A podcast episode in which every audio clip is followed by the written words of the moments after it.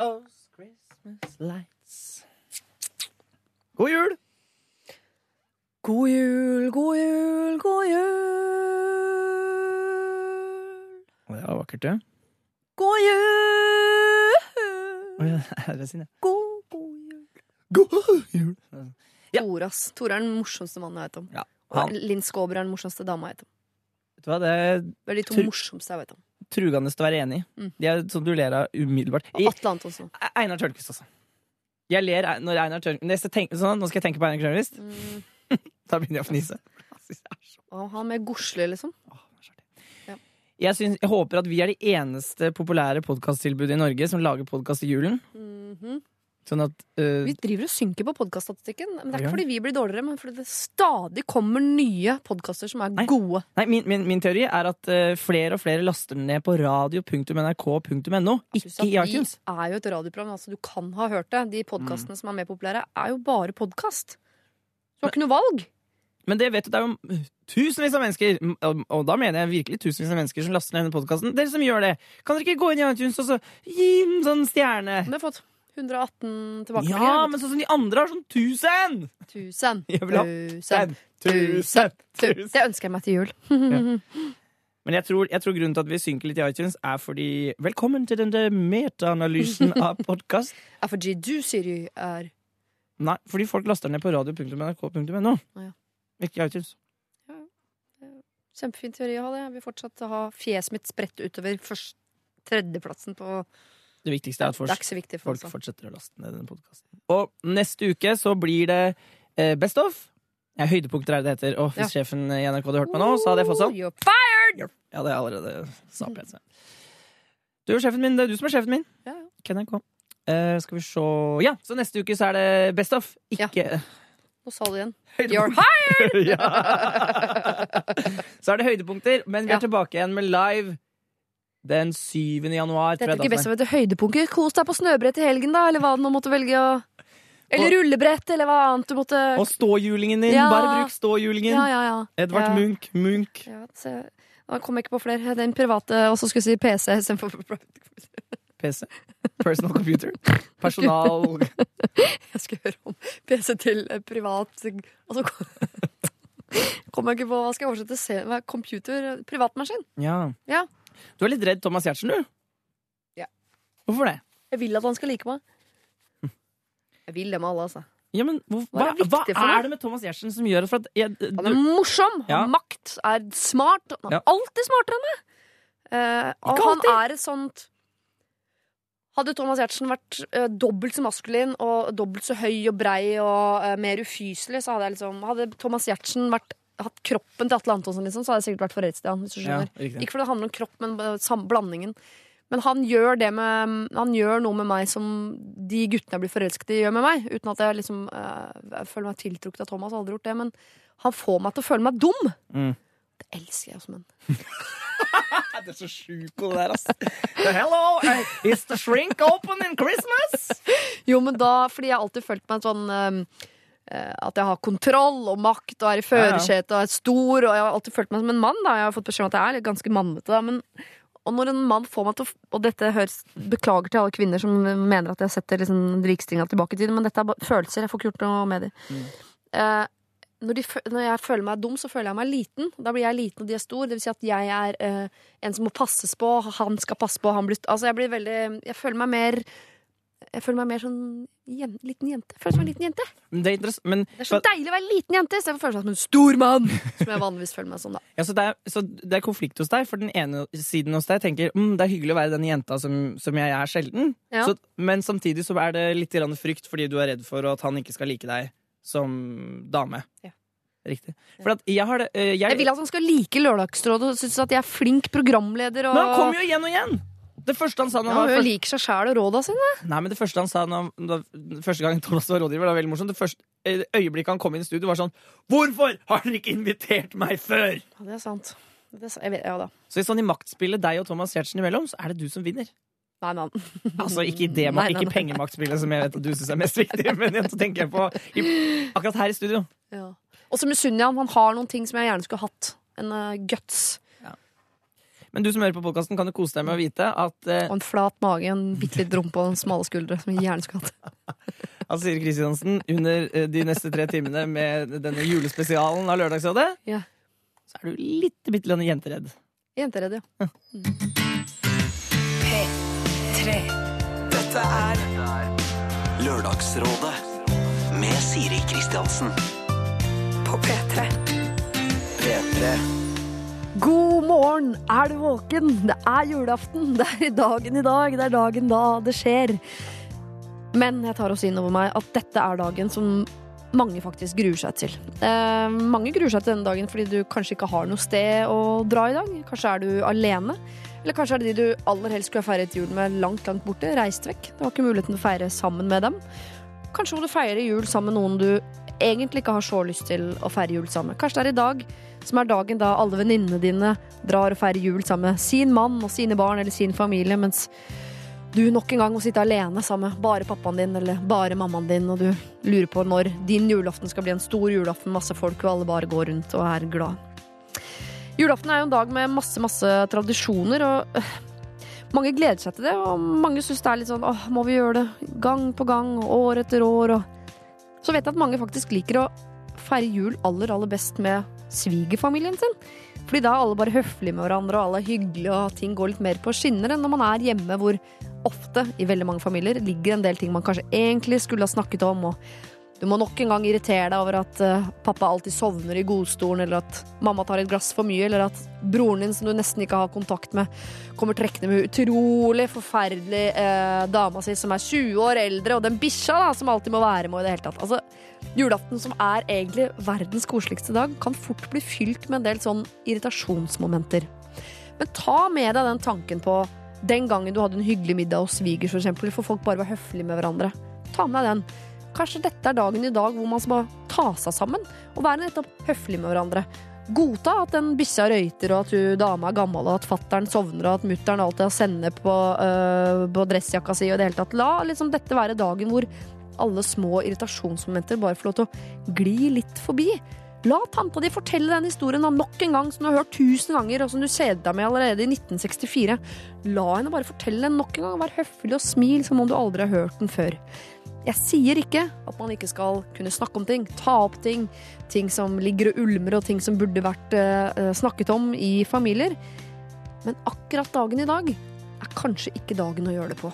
Kanskje ser du ikke familien din så ofte, og dette er den eneste muligheten du har, men vent i hvert fall til i morgen. Ikke gjør det mens noen rører sausen, eller noen steker ribba, eller ta så vent litt. Grann. Ta, vær høflig gjennom den dagen her, og så tar du det litt grann senere. Men til deg som bare gleder deg, tenker dette er verdens beste dag! Hele den nydelige, perfekte familien min skal feire jul, jeg bare gleder meg. Altså, trenger ikke du å tenke på noe av det jeg har sagt nå i det hele tatt. Eller kanskje er du en av de som overhodet ikke feirer jul? Som ikke vet hva jeg snakker engang. Hva mener du jul? Hva er det vi skal feire? Ja, så er dette en helt vanlig lørdag. Du vil merke at den er annerledes, da, for det er ikke så mye folk i gaten osv. Eller kanskje folk er litt hyggeligere, eller kanskje du møter noen som er enda mer lei seg enn ellers der ute på gata. Men Tenk at dette er en ganske vanlig dag, men for mange er det en dag som er ganske betent, og for mange er det en dag som er veldig, veldig veldig fin. Det er mye følelser i sving, det kan jeg si som et fellestegn for alle på denne dagen. Så ta hensyn litt til dine egne følelser, men ta seg hensyn til at i dag er det masse folk med masse forskjellige følelser, og bare vær høflig og grei med hverandre på denne dagen her. Lørdagsrådet På P3. P3. 26. november. Da var det P3 Gull. Og Lørdagsrådet hadde en slags P3 Gull spesialsending sammen med Chirag, Live Nelvik og Tomine Harket. Elvira, altså ikke Nikolaisen, selv om det hadde jo passet seg da på en såpass musikalsk dag, men en annen Elvira. Hun eh, hadde et problem eh, med både venninnen sin, ikke bare venninnen, men bestevenninnen sin, og kjæresten sin. Og problemet var det samme hos begge, nemlig at de skravla høl i huet på Elvira. Og ofte var det de samme historiene om og om igjen, og det var mye prat hele tiden. Og Elvira slo i hvert fall oss, da, Chirag, Live, Tomine og meg, som en jente som kanskje hadde behov for litt mer ro innimellom. At ikke hadde måttet jabbes hele tiden. Men hvordan sier man fra om det, da, uten å høres ut som man er surmaga? Eh, Du skal få høre noen av rådene Elvira fikk av Chirag, Live og Tomine. Lørdagsrådet På P3. Men hvordan skulle hun tatt opp det her, da? Sånn, eh, jeg syns du snakker for mye. Det er Nei, men det er sånn, jo mer, jo mer seriøst hun tar det opp, jo verre blir det egentlig. Hun må jo på en måte ta det litt lettere, føler jeg, da. Jeg hadde sagt eh, det der, min venn, det har jeg hørt før. Ja, altså, det er jo- ja. Tore- Tore-. Eh, Hvis du får et kompliment for den historien samtidig som du får en Ja. klar beskjed om at den personen har hørt det før, så er det mye lettere for meg Ja. å lande igjen i Ja. min entusiasme og fortelle en historie jeg tror du ikke har hørt før. Jeg tenker jo at hun kanskje burde altså Enten så må hun på en måte jobbe med seg selv, da, fordi hun har jo valgt disse menneskene. Å være med disse menneskene som prater veldig mye. Jeg regner jo med at de ikke plutselig har begynt å prate veldig mye. Hvis Elvira skal si fra her, så går det jo an igjen. Du trenger ikke å være sånn Dere to, kan dere være så snill å sette dere ned i sofaen? Vil dere ha noe å drikke før jeg skal ta opp det jeg skal ta opp? Trenger ikke å gjøre det sånn. I det kaklinga er i gang, så er det jo lov til å si sånn Nei, nå eh, kakles det fælt her. Men Det er kommer du ut av den situasjonen uten å være en veldig grinete figur? Uh, Nei. Dette er Lørdagsrådet På P3. P3. Vi har fått en ny mail fra Elvira, og hun skriver Tusen takk for at dere tok opp problemet mitt. Det var veldig moro. Det er viktig for meg å poengtere at kjæresten min og bestevenninna mi er to helt fantastiske mennesker som bare er snille og greie og utrolig morsomme å være sammen med. Men det var denne pratingen som absolutt ikke er hele tiden, men som kommer sånn titt og stadig, og det kommer nok av at vi har det bra sammen og ofte kan prate om alt mulig rart. Men når jeg er sliten eller har mye å tenke på, hadde det vært så utrolig deilig om det bare kunne være litt stille og rolig. Vi går alle på samme skole, og jeg jobber også sammen med min venninne. Etter å ha hørt på rådene deres, så bekreftet dere tanken om at nei, det går faktisk ikke an å si fra på en morsom og fin måte uten å lage dårlig stemning. Men jeg likte rådet om at jeg kan gi et kompliment om at historien den var bra og moro, at det ble sånn, eller stemmer det, sant, sant, he-he-he. Men annet enn det er konklusjonen min at det er jeg som er sliten og lei. Så jeg skal faktisk heller kommunisere det, og for øvrig være meg selv, løpe en tur eller et eller annet. Ikke la det gå utover dem når de ellers er i godt humør. Det høres ut som du har landa på et veldig bra sted, Elvira. Og så er det jo greit å huske på også, øh, ikke bare for deg, men til mange av dere som øh, hører på, at, at du går rundt og er sliten, og at ikke det passer akkurat nå og sånn, det er det ingen som ser. Det er ingen som ser hva du har inni hodet ditt, det er ingen som vet at du er sliten. Altså, Vi verken ser eller vet noen ting om deg, med mindre du kommuniserer det på en annen måte enn kanskje litt utpust og litt himling med øynene. Hvis du bare sier åh, i dag er jeg sliten, eller nå trenger jeg litt ro, eller nå trenger jeg litt stillhet, eller nå trenger jeg å være for meg selv, så tror jeg folk skjønner det i større grad enn at man går rundt og offer og okker seg og, og sprer dårlig stemning istedenfor. Ingen som blir sure av at du er sliten, men du må kommunisere det på en ikke så sur måte. Dette er P3. God jul! God jul! God jul! Det er altså Marte Stokstad, Thomas Giertsen og Kevin Vågnes som er eh, rådgiver i dag, og som nå ropte god jul i, i, i kor. Ja, korish. Korish. Eh, det var jo egentlig Americano. Americano. Eh, dere, I rekkefølge? kano, har du aldri hørt om kano? At man synger eller snakker i kano? Jo, men da legger man seg litt oppå. Var det ikke ferdig? Er ikke kano Jo da, det- når- da skulle du Jeg begynner når, når hun er halvveis uti. Hvis hun sa god, så, skal jeg, så begynner hun på jul, så skal jeg skulle du si god. god. Ja. Det er ikke for å pirke, men det var vel mer bare vanlig rekkefølge. Ja. Skal vi prøve god jul-kano, eller? God jul! Nei, du, Nei, Da, da, kan da kan vi ikke ta så fort. God jul! God, nei, Du må holde jul. Mm. Hold jul. Ja. God jul! god jul. Nei, skal vi gå videre, da? Skal vi ikke starte et kor, i hvert fall. Eh, vi fire sammen. Det tror jeg ikke går. Dere, er Veldig hyggelig at dere vil eh, være her i dag og gi eh, råd fram til klokken tolv. Det blir ikke så mye juleråd i dag, egentlig, for det er jo for seint. Ja. Det nytter ikke å si til folk at eh, nei, du trenger ikke å feire jul med mora di i år, for enten er man der, eller så er man det ikke. Eh, hvor skal dere feire jul? I Eh, kveld? Hvem skal dere spise med? Nei, jeg spiser med, med familien Ja. eh, hjemme hos meg. Så jeg håper at eh, noen er i gang med det eh, nå. Eh, men både din egen og hans? Ja, litt av hvert. Litt av hvert. Ja. Blanda drops. Ja. Ja, Mest hans, kanskje. mest hans. Ja, jeg har litt De- tynnere familie. Men, ikke sånn fysisk, men bare at jeg har ikke så mange mennesker. Og, de, og mange av menneskene velger også å feire andre steder. Men Ja. jeg skal ha egentlig bare mamma der. Ja. Ja. Men det blir trivelig. Kjempetrivelig blir det. Ja. Mm. Åssen er det med deg, Kevin? Jeg skal feire med mor, far og bror hjemme hos mor og far. Hjemme Du er fortsatt i den enden Ja, av livet. Ja, og jeg får uh, gleder meg til å komme hjem nå til julestrømpe. Jeg er 30 år, får fortsatt julestrømpe, og det syns jeg er veldig koselig. Eh, så Bror av er typen lille eller stor? Lille. Lillebror, ja. Mm, ja. Hvor gammel er han? 25. 25, ja. Ja, fem år eh, yngre. Hva driver han med? Eh, han er, vi ble født av samme mor og far, han ble interessert i fotball. Jeg var interessert i dokker og kos og mat. Eh, han eh, liker ikke det, og syns alltid at jeg var Så han er på en måte mer storebror. Og, og jeg føler at han er veldig sånn i forhold til det med Eller han, han er mer beskyttende overfor meg enn jeg er for han, da. Ja. Jeg hadde løpt hvis han var i slåsskamp, eh, men han hadde slåss for meg. Ja. Skjønner jeg skjønner. Ja. Men er dere gode venner, eller? Ja, veldig. Veldig. veldig. Hva er- snakker dere om da? Fotball, eller? Uh, vi ler mye av mamma og pappa. Ja. Uh, vi er de eneste som kan på en måte le ordentlig av dem. Eh, eller, og, og på en måte Vi har en sånn intern humor. Intern familiehumor på en måte som bare vi forstår. Så jeg tror dama hans føler seg veldig utafor.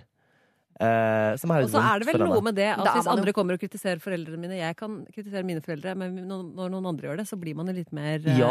beskyttende, kanskje. Ja, Ja. man blir det. Er du, eh, det er bare et kjapt spørsmål, Kevin. Du er jo ofte i kvinnekarakter eh, og ser på TV. Er du moren din da? Om jeg er moren min Er eh, du moren din da? Svar nå. Eh, det er elementer av henne, ja. Ja. Ja. Eh, men mamma er litt mer sånn Hun blir veldig brydd av alt. Veldig bekymra for alt jeg sier. Ja. Eh, så hvis jeg er med, sånn som her, for eksempel, hvis jeg sier noe eller prøver meg på en litt sånn en mening og sånn, du, ikke si, Hvis jeg prøver å være sånn tøff, Ja. da er hun sånn Nå ble Marte lei seg. Eller sånn, og Jeg hørte på Martha at hun prøvde å takle det fint, Ja. men det likte hun ikke. Det skulle du ikke sagt. Altså, du sånn, Der var du ikke, ikke, ikke, ikke tøff da. Ja. Altså, hun blir veldig sånn Jeg er fortsatt 15 år og får liksom skjenn Ja. uh, av mor. Så hun er uh, blir fort brydd av meg på TV. Hun liker veldig godt å se andre på TV. uh, og kan synes at mange andre er litt sånn eh, Han er så Hun er fra Bergen. Eh, han er så eh, han er så kjapp i replikken. Han, han er så kjapp. Uh, men hvis jeg er kjapp, så er jeg bare frekk. Hvis du, altså, sånn, det, ja. Det er en sånn fin uh... Ja. Det ja. høres ut som du er kan litt sur, aldri egentlig. men- ja, Jeg har ikke fått selvtillit av mor. det ikke. Nei. Det skal, det, du, hun har gitt meg mye, men ikke det. Gikk med noen artige karakterer, men selvtilliten Men eh, pappa er sånn Pappa er helt omvendt, da. Så det er eh, vi- oss fire her nå. ja. Uansett hva jeg sier, jeg er best. Så bra at du har den så også. han veier opp, da. Han har ingen sånn objektivitet. Eh, og hvis han ser meg i et program Altså, det, det Jeg er så Er du klar over hvor bra du er? Altså, det er Faren min sier, sier alt sånn derre Ja, jeg hørte deg på radio. Hva syns sjefene, da? Får du noe feedback? Ja, får du det? Nei, men det er jo så det er sånn Åssen syns du sjøl det gikk? Kan Ja. man si etter en TV-sending. Ja. Og det er jo Det er feil. Like, det er feil. Det skal du Og ikke sier si. sånn jeg, jeg og Susan syns det var greit, vi altså. Vi syns det var fint, vi. Men det er jo også sier sånn Men vi er jo ikke noe kontrollpanel for dette her. Nei. Vi Ja. syns jo alt det du gjør er greit, vi. Ja. Er greit. Ja, Syns alt du gjør er helt midt på treet, vi, så det, det får mye av Så ut som du koste deg, da. det er det viktigste. For det er tegn på mani, ikke sant? Det har vært manisk. Åssen er det med deg, Thomas Giertsen? Skal du øh, feire hos noen eller hjemme i kveld? Nei, det blir øh, Det blir hjemme, ja. Blir hjemme, ja. Ja. Er det du som står øh, og rører i gryta? Ja. Er det det? Ja. for jeg så du var hos øh, han øh, Hellstrøm. Ja. Da- Du, var- da, til og med der er du kritisk og tenker at dette, dette kan jeg. Kanskje gjøre litt bedre enn Hellstrøm. Nei, men eh, jeg har bare sagt at han behøver ikke å bruke så jævlig mye fett i alt. Men For det gjør han jo. Han er vel, Alle kokker mener at alt skal ha fløte og smør. Ja, nå, salt, nå skal det sies at han har kommet meg godt i møte på det. Ja. Så, så vi er egentlig ganske Men- enige, vi nå. Men for å si det sånn, det er ikke pga. smaken at du ikke vil ha fettet. Da har du omforma hjernen din til å tenke at fett er for det, Sukker og fløte og fett og sånn gjør jo at smaken blir litt bedre. Ja, men til et visst punkt. Men det er bare at du trenger ikke den Du må ha litt fløte og altså, jeg lagde I går Eivind Hellstrøm over, Ja, altså det, det, det overfetter, hvis det går an å si. ha, Historisk sett så vil jeg mene det. Nå mener jeg ikke det. Han er jo fantastisk. Ja, La det være sagt. Jeg bare syns ikke vi skal dra med gamle uvaner når det ikke trengs, liksom. Så det er bare en uh...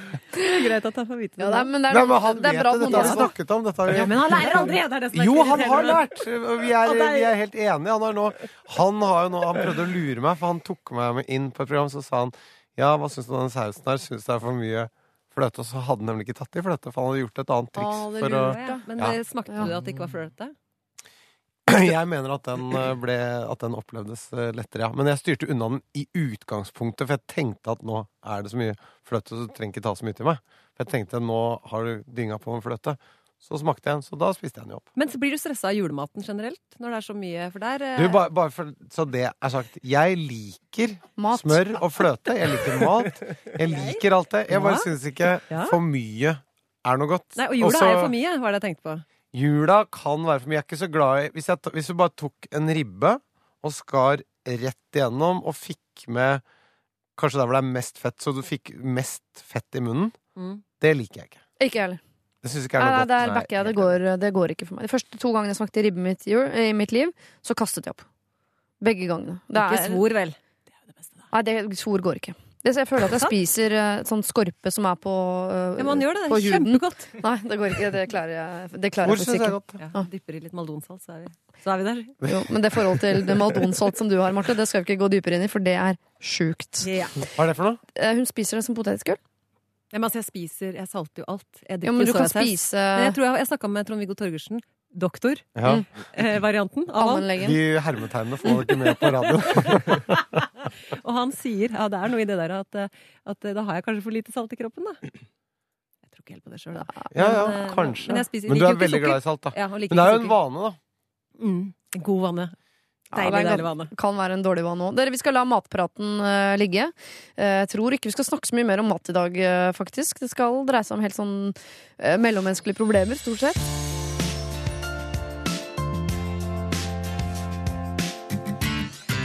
I dag er det Kevin Vågenes som er eh, rådgiver, sammen med Thomas Giertsen og eh, Marte Stokstad. Går det bra? Det går fint. Du har ramla litt? Er det høye hælene som tar knekken Nei, på deg? Nei, de har jeg spart til eh, kvelden. ja, eh, nei, jeg skulle bare hente meg litt vann, og så Ja. gikk det gærent. da, vet du. det er lov det.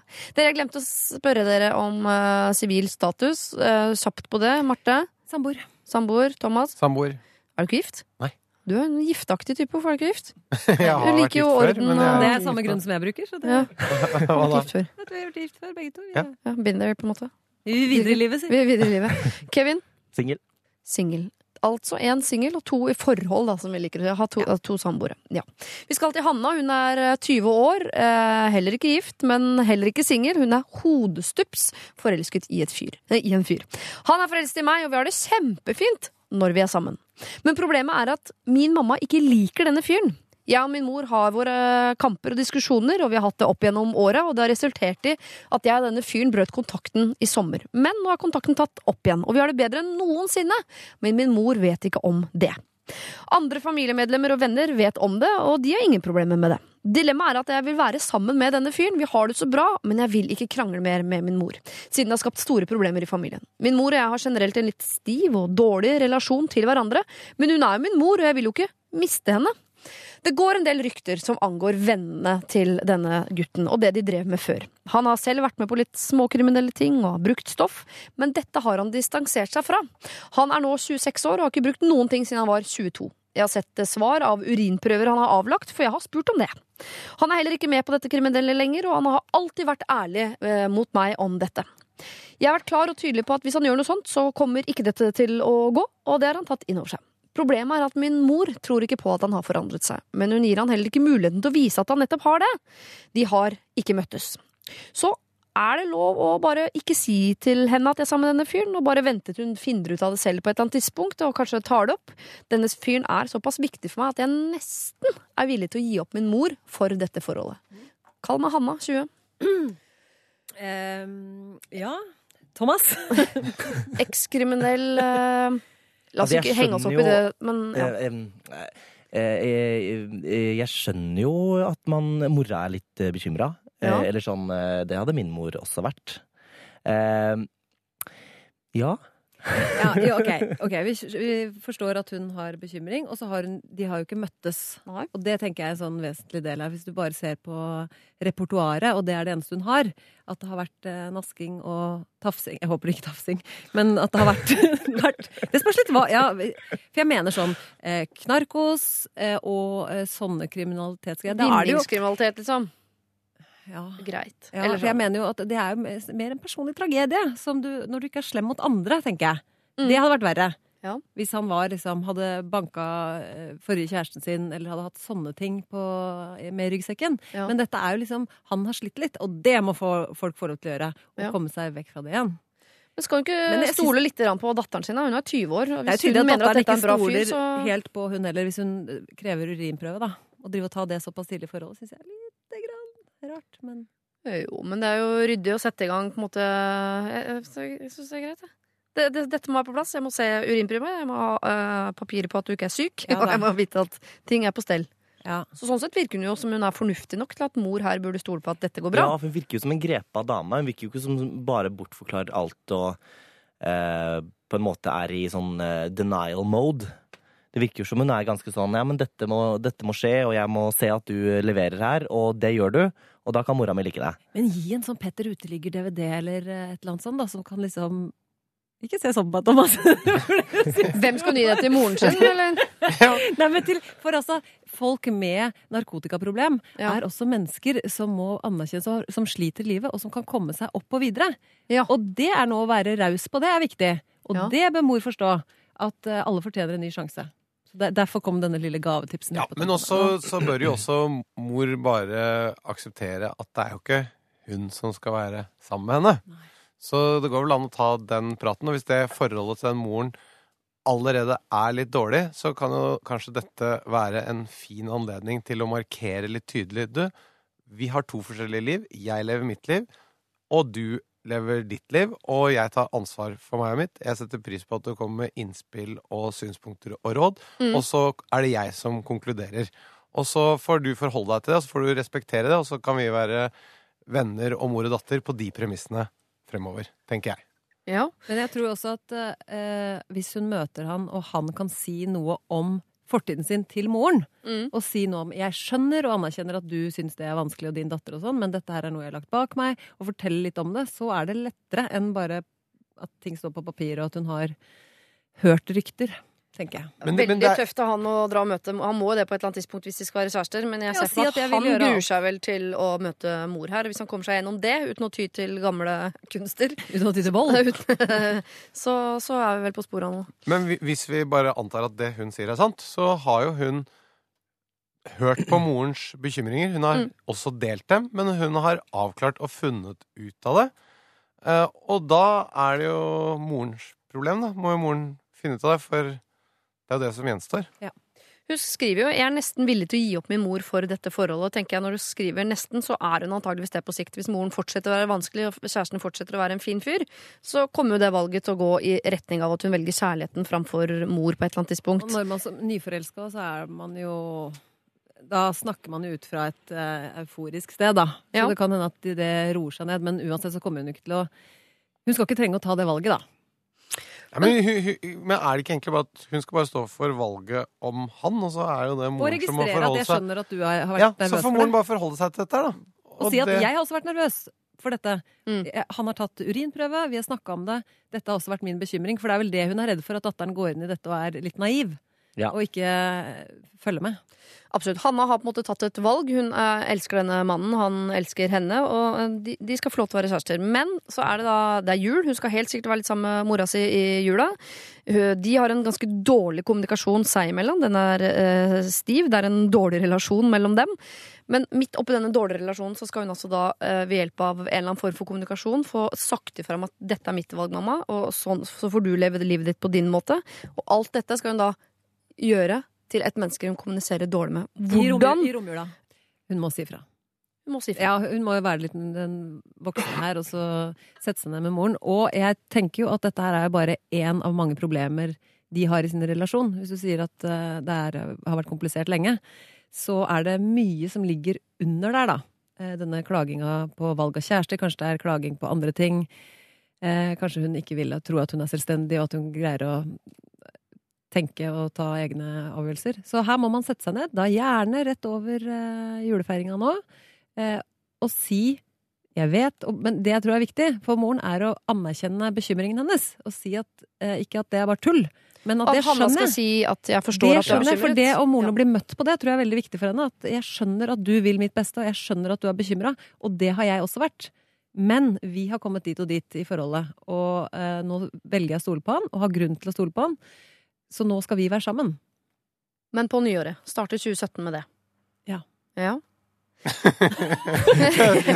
Nå sa du ja for å, være, for å få det til å gli videre her.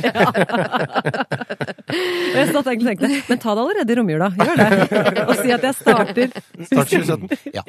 Jo, men mitt spørsmål er, eh, dere er jo eh, Dere sier det jo selv, hun er eh, 20 år, hun tar sine valg og trenger ikke liksom Hun velger jo ikke på bakgrunn av hva moren mener osv., men eh, anerkjenner hennes mening. Men må hun si noe? Det er vel ikke sånn at det egentlig har man meldeplikt overfor foreldrene sine på at eh, 'mamma, jeg har fått meg kjæreste, det er den og den fyren, og han er sånn og sånn', eller eh, kan man bare la det ligge? Ja, altså Det spørs jo hvordan person man er, men jeg, siden hun har skrevet inn, og dette er noe som er mye surrer og går i hodet, så er jo dette et problem for henne. Um, og det kan godt hende at denne samtalen kan være en sånn uh, Kan åpne opp det Hvis det er mer der, Mm. uh, at det kan være en sånn fin inngang til å få klarna opp i, litt i forholdet mellom mor og datter, da. Ja. Finne ut av flere ting. Ja. Mm. Eh, Så til spørsmålet, så er det lov å bare ikke si til henne at jeg er sammen med denne fyren, og vente til hun finner ut av det sjøl og tar det opp? Nei, det er det svaret er nei. alltid Det er som å vente på å bli tatt i senga. Men nei, det blir uh, Det ble feil. Det blir feil. Akkurat det ble feil, Kevin. Bilde eller Men, ja, begge deler. Alt ble feil med det, Kevin. Nå er jeg mora di igjen. Så det. det, Ja, det det var ikke noe bra. Eh, Men, men det jeg tror er, eh, som kjæreste det, Noe av det å bli sammen Kevin sammen med i 30 år. Liksom. På sånn. Så kommer han ut. Jeg går, av endelig sagt nå drar jeg på jobb, mamma. Nå får du bare ha det bra. Og så går han inn i et radiostudio på NRK, og der sitter du. Jo, men dette her er viktig. Når man er ung og eh, blir sammen med noen for første gang, så er det ikke bare den at vi har det fint aleine, det er noe med å stå for hverandre utad. Og det gjelder overfor familie, venner, Facebook. kollegaer, Mm. Facebook, og si 'dette her er kjæresten min'. Og det må du gjøre. For hvis jeg skulle vært sammen med en fyr i flere år og som ikke hadde fortalt det til moren sin, så hadde jeg tenkt 'dette her går jo ikke noe vei'. Så det er, ingen, eh, det er ikke noe alternativ. Det er ikke noe løsning. Nei. Og det er ikke bra. Nei, det er det hun spør om. Nei, Eh, nei, jeg svarer herfra. Ja. Hanna er 20, er det lov å ikke si noe til henne? Nei, det er det ikke. Akkurat i jula er det det, men du skal starte 2017 med å fortelle moren din at du er sammen med han, du skal være stolt av det, du skal anerkjenne at hun er bekymret, og så skal du si at dette er mitt valg, og du har ditt liv, osv. Sette den litt på plass, og kanskje den samtalen kan være en åpner for flere samtaler dere burde ha hatt for lenge siden. Men jeg syns ikke du skal si det som om du tenker at nå skal jeg sette noe på plass. For det handler ikke om henne. Det handler om å stå for det du eh, står for. Ja. Og så derigjennom setter du muligens henne på plass. Men hvis du går inn nå med en, en holdning i en samtale at nå skal jeg Aggressiv sette deg på plass, Mm. det blir feil. Men sett på plass skapet, som er typen. Nei. Jeg, jeg ville lagt vekk den holdningen. Det handler bare om å stå for seg selv, da. Det er ikke noe aggressivitet her. Det er jo Nei, det som er hele poenget. Å møte, nei, men møte henne. Litt sånn hundespråk. Vær litt tydelig. Ja, men Det er bare å være, være klar i at det er et valg jeg har tatt. Men hør for all Hun kan ha sin mening og anerkjenne at jeg skjønner at det er vanskelig for deg. Det betyr ikke at jeg kommer til å følge ditt råd, men bare anerkjenn at du skjønner at det er vanskelig for henne. Fordi det kan også være at det har ligget et element av manglende tillit hos moren til datteren sin. Så det kan også være en litt gledelig nyhet å si at du, hun klarer og tenker og tar større ansvar enn jeg faktisk har eh, sett. Ved at hun får beskjed om at du, jeg skjønner bekymringen, jeg har delt den, men jeg har, øh, jeg har funnet ut av det. Så fordi de starter jo egentlig helt likt. De har jo likt utgangspunkt, har de jo hatt. Så, sånn at det vil jo også være hyggelig for moren å oppleve at du, min datter tar større ansvar og forstår mer, har mer innsikt enn jeg trodde. Det er også fint. Og det gjør også at det er lettere å ikke blande seg inn så mye i livet hennes på andre ting også. For se, du, hun der viste seg å være litt mer kapabel enn jeg trodde. Og når dette er på plass, da bringer du kjæresten inn. Så han treffer moren din. Kanskje hun faller pladask. Hvem vet? Og da er det viktig at han ikke driter seg ut.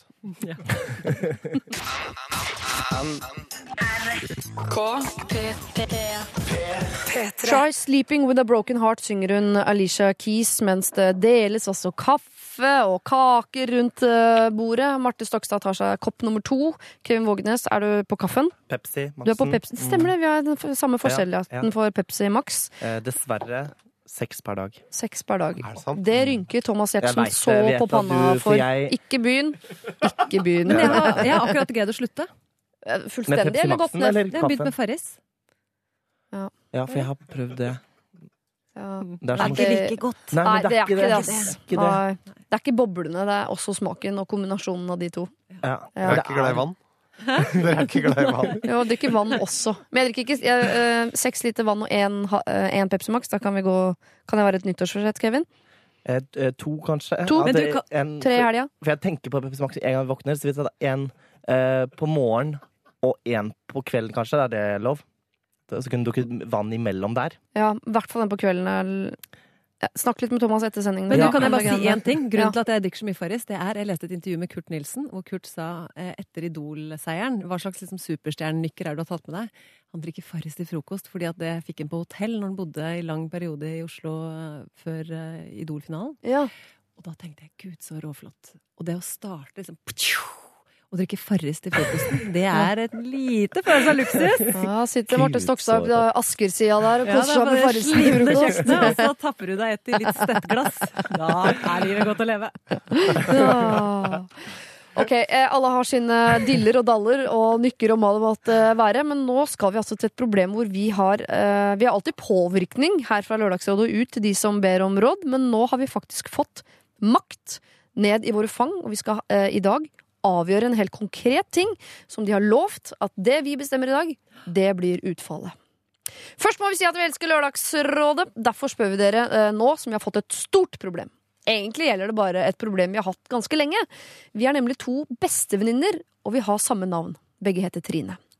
Etternavnene våre ligner også. Haugland og Holgren. Så hver gang dette blir nevnt, så begynner vi å diskutere. Både familie og venner har blitt lei av at vi krangler, og mener det er best om en av oss bytter navn. Vi har derfor blitt enige om at en av oss skal bytte navn. Hovedårsaken er at vi begge skal gifte oss, og det har seg slik at vi skal gifte oss med to fettere, og får derfor samme etternavn. Lars og Espen Andresen skal vi gifte oss med. Med andre ord, snart eh, så får vi en Trine Andresen og en eh, Trine Andresen til. Det blir to Trine Andresener som er gift med Lars og Espen, innad i samme vennegjeng. Eh, De skal gifte seg i eh, våren 2017 og trenger svar asap for å få i gang navnprosessen. Vi er såpass gode venner at en fremtid uten hverandre ikke er et tema. Altså Trine og Trine Andresen er nødt til å være venner også i fremtiden.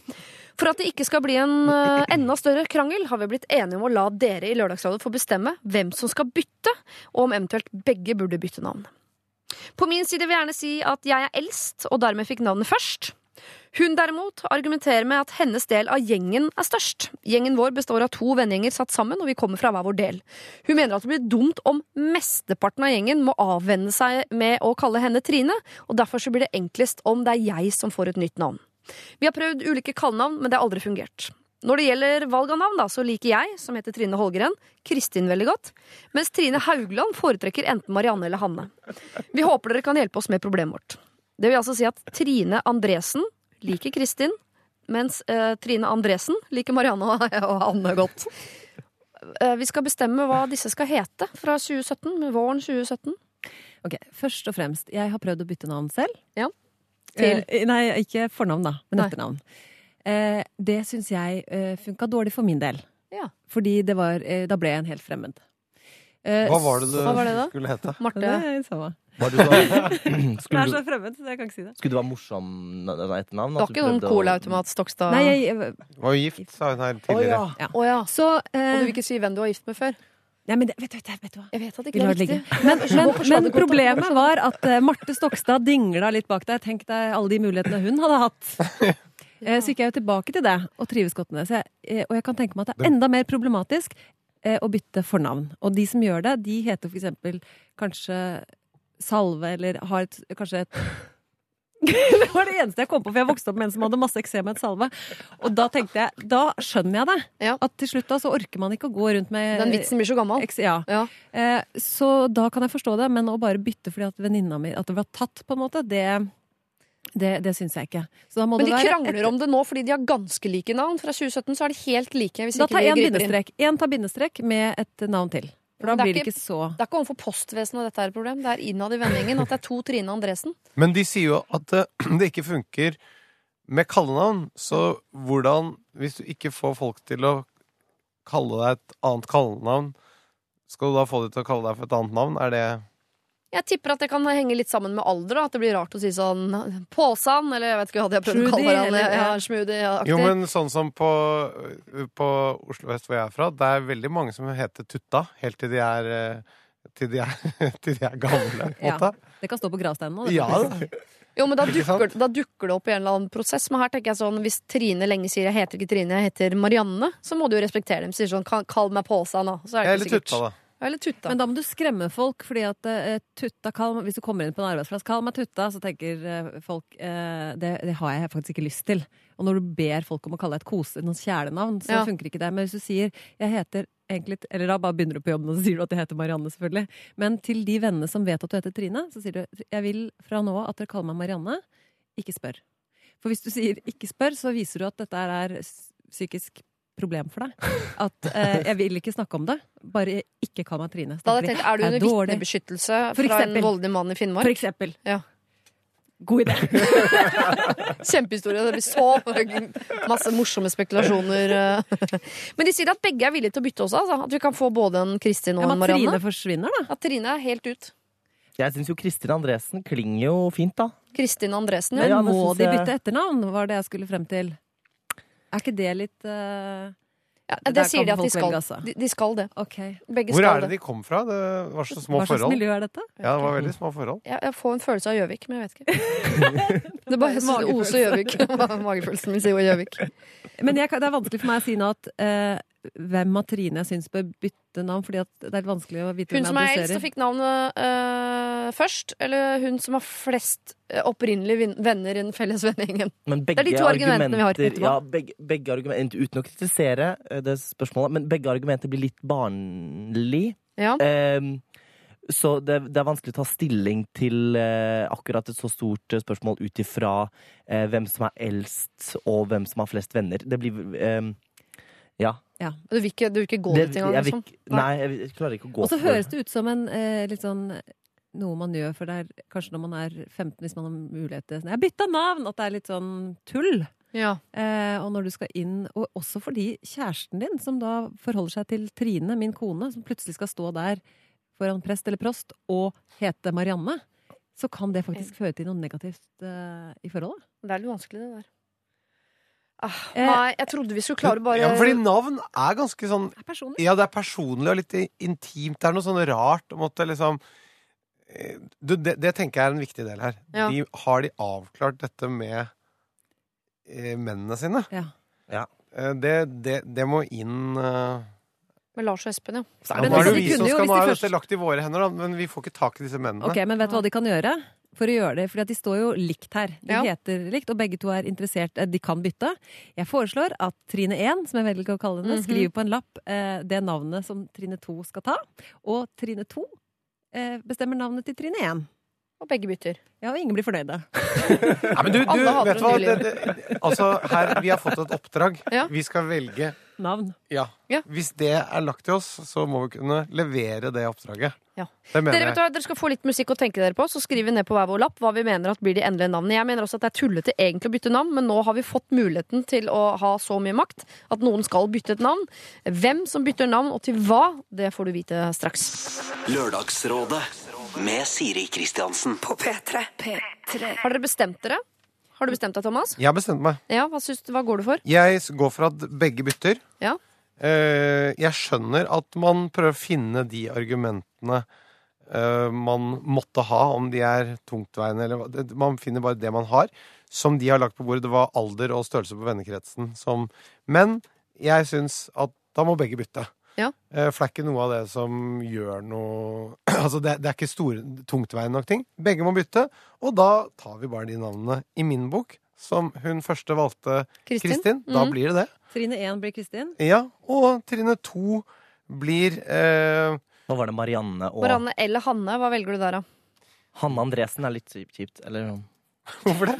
Uh, vet ikke, jeg bare synes det klinger litt uh, Marianne Andresen høres litt mer sånn ut som kan bli noe fjongt. Eller sånn eh, Du har mer troa på Marianne Ja, det har jeg. Ja. Hun kan på en måte Hun kan, være, Nå, ja. hun Ja. kan sitte på Stortinget. Ja. Hanne mm, Nei. Nei. Sorry. Nei. Men det tror jeg ikke skjer. Det spørs kanskje, hvis du har, eh, det spørs litt kanskje på ambisjonene, da. Absolutt. Nei, jeg tror, ikke, jeg tror det er bare navn. Ja. Du gjør, for å si det sånn, uansett hvor uambisiøs du er, så gjør det ikke noe med en fin hatt. Så det, seg litt i håndtrykket. vi gir henne en fin eh, Vi gir henne det beste, og så får hun velge sjøl om vi bruker eller ikke. Men da blir det Kristin og Marianne, da. Vi må jo bli enige, fordi at hvis Ja, vi ikke er ja, enige, så. Ja, og det er kjempeviktig, men altså, det er jo noe med at man, man, man får jo som regel Ja. et navn når man blir født. ja. Og man må noen ganger jobbe mot navnet sitt. Mm. Jeg skulle egentlig hete Olve. Det er jeg så glad. For jeg har en, et mye større potensial til en internasjonal karriere med Kevin. Mhm. Som Kevin alle har tatt, selvfølgelig drømmer om. Ja. Um, så, så jeg tenker at vi, de, Kristin og Marianne, det er gode Marianne. Ja, Marianne og Kristin. Ja, det er Det er gode navn å reise til Syden med, hvis det bare er der man vil. Ja. Um, Går vi for det, da? Ja, Men dette kan du bruke nettopp. Du kan bruke det både hjemme på På søndagsmiddag på Gjøvik, Mm. Ja. og i Syden, Mm. og kanskje også i New York, eller? Og LA. Oh, ja. Ikke sant? Ja, ja. Dette, er, dette er veldig, veldig gode nøkler Og Andreassen funker jo også. Andreassen. Mhm. Ish. Ish. Ja. Ja. Ja. Men skal de så beholde Trine begge to, sånn at det blir Trine Kristin og Trine Marianne? Sånn at det kan bli eventuelt TK og TM? With- Nei, vet du hva, jeg tror det er at Trine må være igjen. Nå må vi bevege oss videre. Vi, vi må ikke begynne å lage noe som er et par For at hvis du begynner TK Hvem var TK, hvem var TK? Ja. Det blir rot igjen. Ja. Nå må vi bare skille dem helt ad. Ja. Dette Vi er kaster Trine. Det, dette kaster vi vrak på. Én klipper seg kort. Vi gjør litt uh, Det, ut av det, det. vi må gjøre litt mer ut av det. Jeg er helt enig. Ja. De, de bør Ja, også at, også at Kristin uh, klipper seg kort. Men dere, da syns jeg egentlig vi, Ok, vi går for Trine Holgren Andresen, du heter herved Kristin. Trine Haugland Andresen, du heter herved Marianne. Men jeg vil legge til en fotnote her, men det er valgfritt da, til dere, Kristin og Marianne. Behold de gamle etternavnene og ikke ta nytt navn. For det vil si at ved giftermål så bytter dere ikke etternavn som man gjorde i gamle dager, men dere tar en litt sånn fiffig og fjong 2017-variant. Bytter kun fornavn, beholder etternavn. Ja, så da får vi Kristin Holgren, og vi får Marianne Haugland. Navn. Ingen heter Andresen. Det trenger vi ikke. Det Nei. heter gutta. Selv om Andresen er et bedre etternavn, da. Men eh, ok. Ja. Nei, du blir noe større. Altså Hvis du har ambisjoner, så går du selvfølgelig for Andresen. Dette er er P3. Cezinando der med sin botaniske hage. Du hører på Lørdagsrådet på NRK P3, hvor eh, Thomas Giertsen er rådgiver i dag, sammen med Marte Stokstad og Kevin Vågenes. Og alle har eh, beholdt navnene sine så langt i dag, eh, selv om vi allerede har døpt to mennesker i dag. Hold litt på den døpefølelsen, for vi skal kanskje inn i kirka. Eller skal vi det? Kjære Lørdagsrådet, jeg er, etter hva jeg har skjønt fra Google, en agnostisk ateist. Altså, jeg tror ikke på Gud, men jeg har ingen kunnskap om det er rett eller ei. Hver julekveld drar jeg og familien min i kirken. Dette er i bunn og grunn basert på tradisjon og egentlig ikke tro. De siste årene har jeg egentlig bare ledd av hva som blir sagt i kirka, for det virker etter min mening helt meningsløst å tilbe en allmektig skapning i himmelen. Jeg har basically ingen grunn til å dra i kirka. Men moren min er veldig glad i tradisjoner, og hvis jeg nevner at jeg kanskje ikke vil være med kirka, så bare avfeier hun temaet og snakker om noe annet. Hun har vært i kirka hver jul siden hun ble født. Jeg er i midten av 20-åra, og det virker barnslig å skulle trosse foreldrene sine, siden jeg bor for meg selv og bare har meg selv å tenke på ellers. Det som gjør ting litt verre, er at nevøene og niesene mine skal være med i kirka, og jeg vil jo være mest mulig sammen med de, eh, men det føles merkelig hvis de spør eh, meg hvorfor jeg ikke har lyst. Det er egentlig for små til å skjønne forklaringen om at jeg ikke tror på Gud, og jeg vil ikke lyve til dem og si at jeg må jobbe eller noe sånt. Jeg føler at jeg latterliggjør en tro ved å sitte der, samtidig som jeg føler at jeg svikter meg selv på en eller annen måte ved å godta og høre på det som blir sagt i kirka. Spørsmålet er egentlig skal jeg i kirka eller ikke? Herre... Ja, ja. Eh, Altså- Antikristian kaller han seg for, da. Det, er jo, det legger litt føringer, selvfølgelig, men Selvfølgelig kan du dra i kirka selv om du ikke tror! Ja! Ja. Altså, det er jo helt, man kan dra i en moské, jeg kan dra i en moské uten å tro på det. Altså, det er jo helt ja, men Da er du turist og skal bare liksom Ja, men Se på deg selv som en turist, da. Dette er tradisjon, og det er eh, viktig for henne. Og det å stå og høre på andre mennesker som har andre meninger enn deg, Mm. det skader jo ikke din Altså hva du tror på, eller hva du syns eller mener. Det er jo helt sånn Hvis du ikke kan høre på andre mennesker som mener noe annet enn deg, da, er det jo, eh, da har du jo problemer på større eh, deler av livet enn bare på julaften. Da. Det blir litt sånn eh, eh, På en måte Sånn som mange var når man konfirmerte seg. Mhm. At man skulle være i opposisjon og bare sånn Jeg skal ta borgerlig, og For jeg kan ikke. Men jeg tror det er veldig mange som konfirmerer seg, som ikke er Jeg var en av de som liksom ikke helt vet hva jeg tror på. Men jeg syns jo det var veldig hyggelig å bli konfirmert. For det er et eller annet med slekter skal følge slekters Hva er det de synger? Gang? Mm. I Deilig er jorden. Mm. Nydelig sang. Mm. Eh, Den fikk vi ikke på borgerlig. nei, nei. Eh, Synger den for barna mine hver eneste kveld fra 1. desember hvert år. Ja, du gjør det, ja? Ja, ja. Ja, men det tenker jeg er litt sånn fint i kirka, der skal du vite at ja, mora hennes har sittet der, mora hennes, mora hennes igjen mora, De har sikkert sittet i den kirka og fått uh, juleevangeliet presentert. Det er noe ja, det er, ta, ta kosen, sitt med nevøen på fanget, litt kakao Nei, det går ikke i kirka, men uh, kos deg. Er Nyt ikke lov med kakao i kirka? Nei, Men det er jo en litt sånn stille stund som man kan eh, ha. Man trenger da ikke å være med på det. Og jeg mener at det er forskjell også fra å konfirmere seg, for da tar man jo et standpunkt, på en måte. Å sitte i kirka som deltaker under en gudstjeneste er jo noe helt annet. jeg. Jeg Ja, jeg vil si, altså, du, det, det, Dette kan da umulig være noe problem. Du kan da høre på det. ja. Som du sier, altså, vi kan vel høre et partiprogram fra et parti som vi ikke stemmer på. Ja.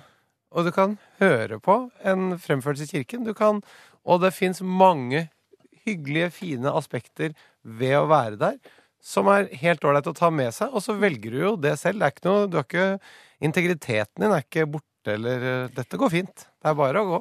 Jo, men måte, hvis du skal sammenligne med å dra og høre på partiprogram til La oss si at jeg drar på eh, et eller annet møte hos Venstre da, for å høre de legge fram partiprogrammet sitt, så er det vel med et lite ønske om å kunne rekke en hånd i været og si sånn Unnskyld, det der syns ikke jeg. Den muligheten har du ikke. Du kan ikke si sånn Unnskyld, jeg tror Det- han det- han Det er seriøst ikke på der vi ta den debatten. Nei, men jeg mener at det blir noe bare for å annet. si, det var et litt flåste eksempel av meg. I mangel av noe bedre. Drit i det. Men vi, hvis vi Men det er gøy å plukke av de få gangene Ja. du tar uh, feil eksempler, for det er ikke så ofte. Det er derfor jeg må benytte anledningen. ja, men, du, men poenget er at uh, det går vel fint an å uh, høre på. Du, du må jo ikke markere deg i enhver Men det Nei, det sier, det sier ikke Antikristian heller, men det er, et, det er bare ett element her vi glemmer nemlig lite grann. eh, Fordi jeg har vært gjennom denne Anti-Christian-fasen i livet mitt. Mm. eh, må jeg innrømme. Eh, Ikke at jeg gikk i kirken verken før eller etter det, men det var en periode jeg likevel ville snakke om at jeg ikke gjorde det. i større grad. Fordi det er ikke hensyn Det er fint å, å ta hensyn til mor. Hun vil ha deg der. Far vil ha deg der. eh, Nevø, alt det der. Men han bringer jo et annet hensyn på banen. Og det er hva med eh, alle de som sitter der inne og som virkelig tror. Og så sitter du der egentlig inne og tenker at alt der inne som blir sagt er fjås. Man føler at man mokker andres religion på en eller annen måte. Så det er jo en eller annen form for respekt overfor de som bruker kirka til Det er helt helt uenig. Det er veldig unødvendig respekt. Eller sånn, det, er ikke, det har ikke noe rot i virkeligheten, på en måte. For jeg, det er veldig mange som sitter i en kirke som bare koser seg og, og har det fint med den tradisjonen. Ja. Og jeg tror det er helt grunnløst å føle at hun har noe ansvar for dem. At hun eh, Han. Han. han, Anti-Christian. Anti- Anti-Christian. Men jeg tror jo at sånn eh, husker jeg selv også. Man er jo det når man er litt yngre, at man er veldig opptatt av at vennene skal representere meg. Jeg kan ikke ha venner som er veldig annerledes enn meg. Eh, De må kle seg likt. Eh, Alt som skiller seg ut fra den jeg mener at jeg er. Alt rundt meg må representere det, og man er mye strengere da. Mm. Og så lever man litt lenger, og så tenker man man kan ha venner som er kristne selv om man ikke er det selv. Man kan, som jobber med forskjellige ting, som stemmer forskjellige politiske partier enn deg. Det er bare spennende, og han må komme seg dit. Og det gjør han kanskje, men akkurat nå i den opprørsfasen som jeg føler at det er, da, Ja. eh, så må han eh, se at det er, det er jo respekt for de som er der, at de tror på det som blir sagt. Mm. Og det er fint. Og vær der for tradisjonen, og tenk at det er en fin Jeg, synes, jeg er ikke kristen selv, men kan syns det er fint å være i kirken allikevel. Jeg er helt enig. Så han kan gå i kirken i dag med god samvittighet. Å ja, selvfølgelig. Ja, det er egentlig det han spør om. Ja, Svaret er veldig enkelt. Det, Ja. det, det er egentlig ett svar på dette. Ja. Vi har fått litt bakgrunn, men det enkle, korte svaret er ja. Du kan gå dit med god samvittighet. Jeg har også fått det bekreftet fra kirken selv. Jeg måtte nemlig spørre en gang da jeg ble bedt om å være fadder om vil dere ha meg der. da? Jeg er ikke kristen, jeg syns alt du sier er tull. Vil du ha meg inn der og stå der? Så han ja, det, det syns jeg var koselig. Det var, det var alles hus åpent for alle, og så videre. Så det var, det var bare ja. koselig. Og nå har jo det blitt eh, mer reelt også. Ja. De har jo Så eh, Anti-Christian, ta bort anti. Eh, gå tilbake til å være Christian, og eh, fortsett å gå i kirken fordi det er tradisjon, og eh, fordi det er det eh, moren din ønsker, og faren din ønsker, og det er det nevøen og, heter niesen din vil Han er jo oppkalt etter noe religiøst der òg, så han har jo liksom Jeg tror det er Ronaldo. Christian- Nei, jeg tror ikke oh, ja, det. er. Han er såpass ung, ja. Ja, ja, jeg tror det. Dette er Lørdagsrådet På P3. Tove Lo, True Disaster, og før det Mariah Carey, altså. All I Want for Christmas Is You. Det viste seg å ikke være sant, da, for hun vil jo ha ganske mye mer. Jeg tror ikke hun tar til takke med bare han til jul. Det er vel en liten diamantring og noe BMW-er og noe greier også Ja. som må følge med der. Vi skal hjelpe en hjerteknust jente på 22, dere. Og hvem har vel ikke vært eh, det? Marte Stokstad. Jeg regner med du har vært sånn innom. sukk. Ja. Kevin Vågenes, jeg regner med at du, ikke har, du har vært en hjerteknust jente 22, men uh, innom hjertesorg har du vel vært? Ja, det har jeg. Ja, og Thomas Giertsen, du har vel vært der, du også? ja, vi har Ja, Jeg skulle akkurat til å, skulle akkurat til å si nei. Jeg føler at eh, vi har vel Vi kan vel alle si at ja, det har vi vært alle, alle sammen her på en variant av 22 år gammel Ja, men har du blitt dumpa? Ja. Ja, ja, men jeg, det er jo noen som ikke har blitt det, Thomas. Ja, ja. Nei, men det har jeg, da. Aldri blitt dumpa av kjæreste, men jeg har blitt bo- dumpet av hundrevis av menn man har prøvd seg på som ikke vil. Ja. Ikke sant? Tusenvis av menn som ikke vil. Det er mer der jeg har også. Jeg har ikke blitt dumpa, men det... Litt sånn smådumpa opp igjennom. Helg på helg. Vært Ok. eh, ung og forelsket og stått utafor huset om kvelden og prøvd å se om det var noen inne i vinduet. Hva?! Jeg husker, Ja. husker jo de årene hvor eh, lokføreren min mann hadde annen kjæreste. Jeg sto utenfor soveromsvinduet hans og koste med katten hans mens jeg visste at han var der inne med kjæresten sin, og håpet at en dag blir han singel, og en dag blir han min. Eh, Nå er katten død, og vi er kjærester. Så det er jo det er et vakkert juleevangelie, det, da. Men du, du tenkte rett og slett Men var det sånn at du tenkte dette ordner seg, det er bare å smøre seg med tålmodighet? Prr, prr, liksom. Hetta den katten over nakkeskinnet. Og det gjorde det. Ikke, ikke bli sånn eh, folk som det. Ok, dere. Vi skal til den hjerteknuste jenta 22. Eh, kall meg Mina, skriver hun. Kjære Lørdagsrådet. For elleve uker siden ble det slutt mellom meg og mannen i mitt liv, kall han Hans. Vi hadde vært sammen i nesten tre år og samboere i ca. ett og et halvt. Han er den snilleste og peneste gutten jeg noen gang har møtt. Vi hadde et helt fantastisk forhold, vi kunne snakke om alt, helt til jeg ødela det. Før sommeren gjorde jeg noe jeg aldri skulle ha gjort. Jeg var på byen med en venninne, jeg traff en fyr jeg visste at Hans ikke likte. Jeg ble veldig full, og det førte til at jeg ble med denne fyren hjem, og jeg sovnet på sofaen hans. Ingenting skjedde. Dagen etter våknet jeg til mange meldinger og tapte anrop fra Hans. Han hentet meg, og jeg fikk panikk og sa at jeg hadde vært hos en venninne eh, og sovet hos henne.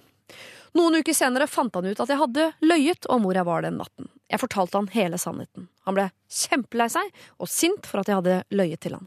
Jeg hadde gjort en kjempetabbe som jeg aldri eh, skulle ha gjort, og som han aldri kunne tilgi meg for. Vi var fortsatt sammen, og jeg prøvde å få han til å stole på meg igjen, men det ble slutt. Jeg savner han hver eneste dag, og angrer på at jeg gikk på byen den kvelden.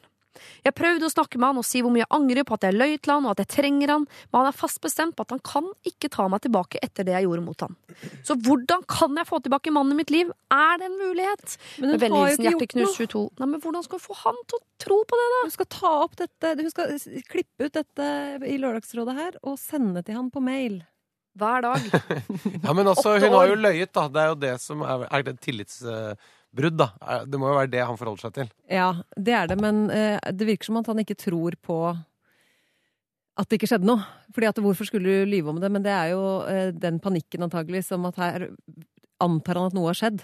Ja, men bare Så det hun- at hun har løyet om noe her, og sånn, så hun har jo løyet. Ja. Det er et problem. Men hun må forklare hvorfor, og det virker det som hun har gjort, da. At hun har forklart hvorfor det ble en løgn ut av det, fordi at hun var redd for hans reaksjon. Ja, og jeg vet at du ikke liker han, og jeg vil Ja, ikke at for så videre. intensjonen bak løgnen var god. Kan du ikke få han Mm. til å si at ingenting skjedde, da? Nei, nei, nei han, han liker jo ikke han. Hans liker han jo ikke. Kan, ikke- men jeg må jo også bare Hvorfor gjorde dette? Ok, jeg lurer jo på hvorfor gjorde du dette. Ja, men det er liksom for seint Nei, nå. Det er jeg enig i, men det noterer jeg meg. Det kommer jeg til å tenke på etterpå. Kanskje hun var litt sur den kvelden Under julemiddagen. på Ja, men hun gjorde det ikke for å Det virka ikke som det var noe sånn for å såre han, eller Nei. Men, poenget, hva hadde dere gjort da hvis dere hadde havnet i en situasjon Nå hadde dere sikkert ikke det, men dere havnet i en situasjon og vet, Jeg vet at ingenting har skjedd, så dette er ingenting. Men hvis jeg forteller det hjemme, så har jeg ingen beviser for at ingenting har skjedd, så det kan bli blåst opp. Han kan ikke tro på meg, og jeg kan ha ødelagt hele forholdet basert på ingenting. Ok, jeg har et forslag. Mm. Jeg hadde sagt sånn Du, for, for bare for å si Jeg tror det er én ting som eventuelt kan hjelpe dette, og det er tid. Så det jeg tenker Jeg hadde sagt til han Vet du hva? Jeg øh, løy for deg når det gjaldt hvor jeg hadde vært. Det var i beste hensikt fordi jeg ville øh, skåne deg øh, og ikke sette i gang noe. Det var dumt. Det angrer jeg på. Det skjedde ingenting. Det vil jeg du skal vite. Kanskje legger hun ved den eh, filen. Så, sier, så jeg skjønner at det var et tillitsbrudd. Samtidig så ville jeg forklart han hvor mye og høyt jeg elsket han. Så hadde jeg sagt du, ta den tiden du trenger, for jeg er her. Jeg, jeg kommer ikke til å gå noe annet sted. Så eh, du kommer når det passer for deg. Det er den sjansen. Så får hun se hvor lenge hun skal vente, men det får hun jo bare finne ut av. Og så eh, tenker jeg at da, hvis han kommer innen en viss tid da, så er det, så er det den eneste muligheten. Og jeg tenker jo også hvis eh, han føler det samme, så på et eller annet tidspunkt, når du ser å være uten, nå har det gått elleve uker eller noe sånt, ganske Mhm. lenge, altså, um, så kommer jo han til også å tenke at når eh, sinne og raseri og ting har lagt seg, bare ok, se på fakta her, ingenting skjedde, hvis han virkelig tror på det, eh, og kan eh, på et eller annet eh, nivå skjønne hvorfor hun gjorde det som hun gjorde. Kunne jeg ha gjort det samme? Hvis han tenker sånn, hadde jeg havna utpå og ingenting skjedde, men jeg Altså, du, man greier å kanskje finne det stedet i seg selv at jeg, jeg kan skjønne hvordan det kunne ha skjedd. At hun gikk til det skrittet å lyve uten at hun mente noe vondt med det. Mm. Det er jo viktig. At han liksom menneskeliggjør det litt. At det er en Hun tok feil, og hun prøvde å ro seg ut av det. Men faktumet, vi må ikke glemme faktumet, er at ingenting skjedde. Men hun bør kanskje også forklare noe uten at jeg vet hva det var, da. Men det, hvorfor var du hos han fyren? Enig. Det Altså, må det, Hvorfor dro du dit, da? Ja, altså, Visste du før du dro dit at det ikke skulle skje? Hvorfor Ja, men hvis det er sånn du dit da? rall, rall, nå går vi på nachspiel, og det er ralling, og så plutselig så er det bare de to i taxien, da. Og så, men hvis hun er såpass full og at hun ikke husker noe, så er det jo mer at hun må si at så mye skal jeg aldri drikke igjen, for dette er jo skummelt. Hvis hun får så blackout. Ja. Eh, er, altså jeg forstår eh, hjerteknust jente er 22. Hun, eh, altså, hvorfor finnes det ikke et bevis? Man skulle ønske sånn Åh, kunne jeg ikke bare vært videoovervåket? Eller hvorfor finnes det ikke noe DNA for dette? Eller et eller annet, så man kan legge fram bevisene sine. Men eh, hun får ikke bevist at ingenting skjedde. Eh, Så det eneste han vet, er at hun har ljugd om at hun ikke var der. At hun har vært der. Begge de to tingene er ille. Og i tillegg så tror han kanskje at det har skjedd noe på toppen av hele. Så i hans hode så er det tre ting her som har Skal vi skjedd. blande inn en venninne, eller? Som kan eh, møte han på en kaffe og fortelle hvor eh, jævlig hun har det, og at det ikke skjedde noen ting. Å, det er veldig Det, Er ikke og det det, syns jeg det hadde jeg blitt glad for. Ja. Det er noe å- fint med å liksom Det er noe vet- fint med å bare få en, en eh, person som han ikke møter med aggresjon. Mm. Og, og at han er liksom Hvis han fortsatt da er lei seg og syns at dette er vondt, så er det noe fint med å høre det fra en person som han ikke har noen sånn følelser overfor. Altså som han kan ta imot et budskap på en nøytral, fin måte. Og som kan si Eh, noe om hvor lei seg hun er. Ja. Ja, så Camilla tar en kaffe med. Hans liksom, og forteller Mina er knust. Mm. Ja. Og det skjedde ingenting. Og også så skal det jo være Jeg tenker jo, Det har vært sånn i tre år. Det er liksom menneskelig å feile, og jeg syns ikke at denne feilen her er så sett eh, i perspektiv mot å gå fra hverandre, og kanskje, hvis du har funnet mannen i ditt liv, så syns jeg det er eh, veldig strengt av han, men det er jo ikke han som spør om råd her. Jeg forteller meg om det hadde skjedd noe, så tenker jeg at det er håp. At de kan bli sammen igjen. Og, eh, for det er det jo folk som gjør. Blir sammen med eh, kjæresten sin igjen etter at Ja, noen ja. har vært utro. Og spesielt når man har mulig. hatt den eh, når de er så soulmate, som hun beskriver, da. Ja. Hvis han føler det samme, så er det jo absolutt håp. Men Er man sjalu, så får man ikke det bildet ut av hodet med den sofaen og henne og han. Ja, og Nei, men når det ikke har skjedd noe! Ja, Men men det er jo I hans hode så har det det. Ja, men det tror jeg Det går vel an å få uh, klaret opp i. Det kunne for eksempel det venninnegrepet gjort. Men hvorfor dro du til han, Mm. og hvorfor løy du? Det må du forklare på en god måte, og så må du flere ganger, gi det tid. Og så, må du, og så må du bare gi det tid, og han må bare skjønne at du, jeg kommer ikke til å gå noe sted. Jeg kommer til å være her. Sånn at, øh, og du tar den tiden du trenger. Mm. Det tenker jeg, da får du hvis, hvis det oppleves reelt, det Mm. tenker jeg er den beste tryggheten og tydeligheten i forhold til han. Men i den Som tiden kan skal man eventuelt reise kjerringa. I den tiden skal man ikke uh, stadig minne om at jeg fortsatt er her, jeg fortsatt er her. For jeg tenker at, her- Ikke mase for mye. Krype, ikke mase, men krype litt. Hva? Krype litt. Ja, men du skal bare gå og si det, og så skal du Så kanskje så får du se da hvor lang tid det tar, og hvor ofte. Jeg vet ikke hvor, lenge var det nå? Nå var det elleve dager siden de hadde snakket sammen. Elleve uker. Elleve uker. Uker var det! Ja, og jeg tenker hvis han ikke har tatt kontakt på elleve uker, så De har nok snakket sammen, altså. Ja. Men det er jo noe å si Still meg Altså, nå er jeg helt ærlig. Kortene på bordet. Still meg hvilke spørsmål du vil. Jeg kommer til å svare så godt jeg kan hele tiden. Og hun må si det gang på gang på gang at ingenting skjedde, og beskrive og fortelle hvordan det føltes, og hvorfor hun gjorde det hun gjorde. Og til slutt så mildner det kanskje for han, da, og at han ser at det ikke var sånn som han forestilte seg. Mina, jeg tror du får det til. Jeg tror eh, de midlene du må bruke her, er tid. Eh, Du må forklare. eh, Hvorfor løy du? Hvorfor dro du ditt utgangspunktet? Du må repetere at ingenting skjedde. Kanskje du skal eh, bringe noen sannhetsvitner inn på banen, en venninne eller hva som helst. Men i all hovedsak så må du være der for han, og du må gi det så mye tid som du måtte ha. Og send han dette opptaket. Det er eh, Lørdagsrådet du hører på, hvor eh, Marte Stokstad er- går for kopp nummer tre med kaffe så langt i dag. Eh, Thomas Giertsen og Kevin Vågenes. Du drikker ikke kaffe du, Thomas?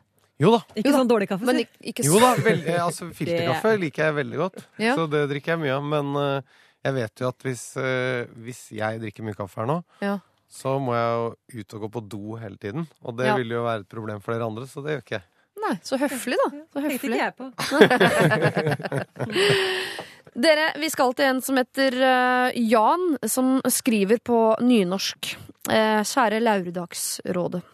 Hvor glade er de i søtpotet? Jeg er ikke så veldig glad i det. Nå har det seg slik at kjæresten min og jeg har en venn som jeg dessverre ikke ser så ofte. Men når vi gjør det, er det over en middag. Her kommer problemet. Når han lager middag, er det alltid med basis i søtpotet. Lasagne, pommes frites, suppe osv. Sjansen for at det blir slik neste gang og neste gang òg, er derfor særs høy. Jeg har ikke lyst til å ta opp dette med han, siden jeg har flere, eh, hatt flere sjanser til å nevne det. Hvordan kan jeg hinte til at jeg ikke er så veldig glad i søtpotet? Er det noe jeg har rett på som gjest? Jeg er tross alt invitert, og jeg ikke til en viss grad godta det som kommer på bordet. Jeg å ete en porsjon, men det er ikke nok eh, til at jeg blir mett. Og hvem har vel lyst til å ta til seg en ekstra porsjon med noe en ikke er glad i? Alle tips mottas med takk. Og PS, jeg veit du hater nynorsk, eller spynorsk som du så frekt kaller det, men jeg håper at det ikke diskvalifiserer problemet fra å bli vurdert som interessant nok, Siri. Eh, Jan, jeg vil bare oppklare før vi begynner at jeg hater på ingen måte nynorsk. Jeg bare hater ideen om at jeg må lære meg det på skolen. Eh, søtpotet derimot, det hater jeg. Eh, Og du gjør det, du også? Søtpotet Ja. er ikke min potet. Nei, fordi det er jeg, jeg, jeg, Det er det Potet? eller er- gulrot, eller ja. jeg blir, jeg blir munnforvirra?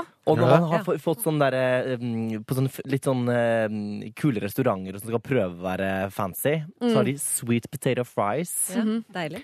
som er godt den første De, de første tre liksom tygge... Tygge... Tyggen, tyggene? Tyggene, ja. Tyggene. Mm, tygg, tygg, tygg, Eh, tygg. ja. Eh, og så blir det bare, bare vondt. Altså, du, du kjenner det vokser både i munnen og Vi Du får den følelsen som Thomas Giertsen får av fløte og smør. Ja. Det blir bare Nei takk, ikke mer. Ja. Eh, Rone? Men sø søtpotet, det er litt eh, Ja, det er jo litt, litt kremete og søtt. Eh, Og litt lite Det er jo ikke noe syre i det, så det Ja. oppleves Jeg tror hvis man tar litt eh, Hvis han har med litt sitron men, nei, men ta litt lime, ja, og litt deilig olje og litt koriander på, for eksempel. Ja. Tenker jeg at mye, Men å ha med det på innerlomma kan jo Men vet du hva jeg har? Vet du hva? Jeg satt her og fikk det over meg. Mine damer og herrer, jeg har løsningen. Ja. Er det for tidlig? Nei, Nei, nei, nei, sånn, Det er ikke mulig å diskutere etter at jeg har sagt det nå. Jo, rør litt rundt grøten først. Ta en ti minutter rundt Nei, først. men jeg vet jo hva han skal si! Ja. Han skal komme inn og si 'Tror du ikke at jeg har blitt allergisk mot noe av det beste jeg veit?' Søtpotet! Og så slenger du med noen andre matvarer i tillegg. Og tror du ikke Kan du ta med noe eh, rabarbra og et eller annet annet du kanskje ikke spiser så ofte? Mm. Det var da søren at jeg ikke kan spise det lenger. Så da, fra, og da kommer han til å droppe det i kosten når han kommer på besøk. Men kan jeg bytte ut allergi da med intoleranse? Fordi det fins faktisk ikke allergi mot søtpotet. Jeg tror det fins bare syv allergier. Det er katt, støv og, en, og fem til. Og det- resten er hvis han som venn begynner å google det og er mistenksom, så er det vel andre ting i det Ja, forholdet. det er Men du, det. er, er det riktig Fisk og skalldyr, er det ikke er det Skalldyr er en av dem, men jeg tror det fins bare seks eller åtte som kaller Så fisk er, er ikke allergi? Det. Nøtter er allergi, Men ikke søtpotet er i hvert fall ikke en allergi, da. Nei, men fin, dette er jo, opp, ikke dette er jo ikke reelt. Dette er jo ljug. Men Ja. det er en liten Og hvis du sier intolerant, så betyr det sånn Jeg kan ikke spise masse av det, Ja. men altså, jeg blir litt oppblåst eller noe sånt. Men allergi, så er det sånn da tetter Ja, det men hva med å si, hva med å bare si sånn Du, øh, jeg var hos legen. Jeg har fått beskjed om å holde meg unna søtpotet. Men Er det, ikke, er, det ikke, er, det ikke, er det ikke stivelse i det? Eh, Jo, jo, jo, jo, det, det er det vel. Ja, Så hvis du sier jeg, har, jeg går på en diett som gjør at jeg ikke kan Jeg er på lavkarbo! Nei, men Hvis du sier det, så det ryker er jo alt annet òg. Da er det jo så mye annet han ikke kan spise også. Kan... Og du må jo prøve å Du må jo ramme inn selve problemet her, så du vil jo ha Ja, så går det noen andre matvarer med i det ja, dragsuget. da, da. Hvis du sier stivelse, så ryker jo brød og alle mulige poteter og alt. da Det går jo ikke. Ja, så blir det salatmat. Ja, men det kan vi, det kan vi jo ikke legge til grunn. Vi må jo bare, kan ikke bare si at du, jeg fikk beskjed Det er et eller annet med søtpotetene som ikke jeg skal ha. Ja, men Eller da må du, du jo si at du har vært dårlig. Jeg har alltid det, vært litt vært hos deg. Jeg, heller bare si, heller bare si Du vet hva? Jeg eh, eh, Jeg har hatt en sånn liten gjennomgang av det kostholdet mitt nå. Hvis du ikke skal lyve, da, så sier du bare Du, jeg har hatt en liten gjennomgang av det kostholdet mitt. Jeg skal visst ikke ha søtpotet, jeg. Uh, så uh, Og det var jo jeg Sier ekspertene. Nei, jeg bør ikke si det. Nei. Jeg skal visst ikke ha søtpotet. Og det blir helt sånn Det, det må jeg bare følge heretter. Ja. Så eh, den linja er nødt til å bare legge Er det noe vi kunne tilpasset eh, hos deg? For det er jo veldig hyggelig å være på middag her. Eh, men eh, du lager jo det ofte, og jeg skal ikke ha det. Jeg skal ikke ha det. Da har du jo ikke løyet. Men alt dette er variasjoner over en, Over en løgn, løgn ja. Men jeg tenker jo også du kan, hvis du ikke vil ljuge, så kan du bare begynne å invitere litt sjøl. Her virker det veldig enveis. Nå kan, tenker vi, vet du hva, nå har jeg gått år inn og år ut gjennom den døra di og sittet ned og stappa i meg alskens godiser fra det kjøleskapet ditt. Nå er det min tur Ja. til eh, payback time, og da Hva er det du ikke liker? ja. ja, men Begynn å invitere selv, og så slipper du det problemet. Men du, det, det, det, det er det beste rådet. For at dette var jo både litt skammelig fra hans side, men òg litt skammelig at jeg og vi identifiserte oss sånn med han. At ikke dette var den første reaksjonen den som Marte hadde nå. For det sier jo også noe om oss. At vi satt og følte på den egoisten som satt der. Å, det er så forferdelig å komme på gratis eh, middag, og jeg blir invitert, og folk disker opp og lager og steller i stand og holder på for meg.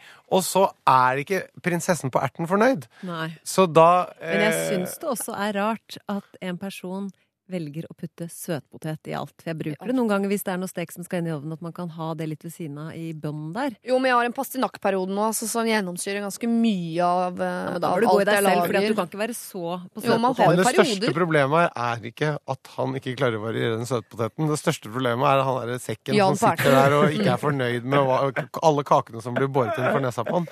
Det er liksom Du, nå må du bare rett og slett ta deg sammen Ja, det er ikke surstemning, det er bare søtpotet som ikke er så godt. Altså, Han greier jo å spise det, og det er ikke sånn at han brekker seg. Det er ikke Ja, Ja, men men ta, det er som du sa.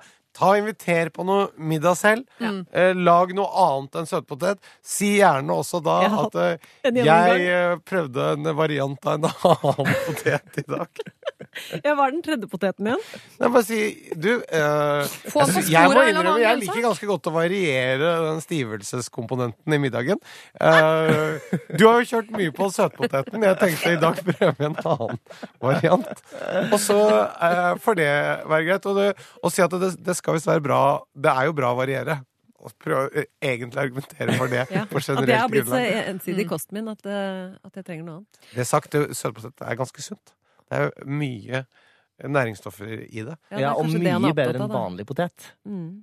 Også sånn eh, i forhold til den glykemiske indeksen, som jo er mye lavere på en søtpotet enn på en vanlig potet. Men eh, jeg syns ikke det er så godt. Eventuelt, eller eventuelt prøve med litt lime, da. Vi var inne på det. Ja, vi var inne på det. Jan, vi holdt på å surre oss bort i noe, eh, noe ljugegreier. Jeg hadde tenkt også pøse på, men lat som du har kasta opp en gang etter at du spiste søtpotet, så nå orker du det ikke lenger. Og så altså, det var, vi var inne i et sammensurium av løgner her, eh, men det vi velger å gi som eh, det siste rådet ut, på en måte, konklusjonen på alt dette, er du må begynne å invitere til middag hos deg, og sette han på sporet av noen andre grønnsaker som også er gode, men som inneholder på en måte samme elementet av stivelse, sånn at du kanskje setter vennen din på sporet av en ny grønnsak som han også har lyst til å bruke i sitt kosthold. Ikke gå for umoralen. Ta deg sammen.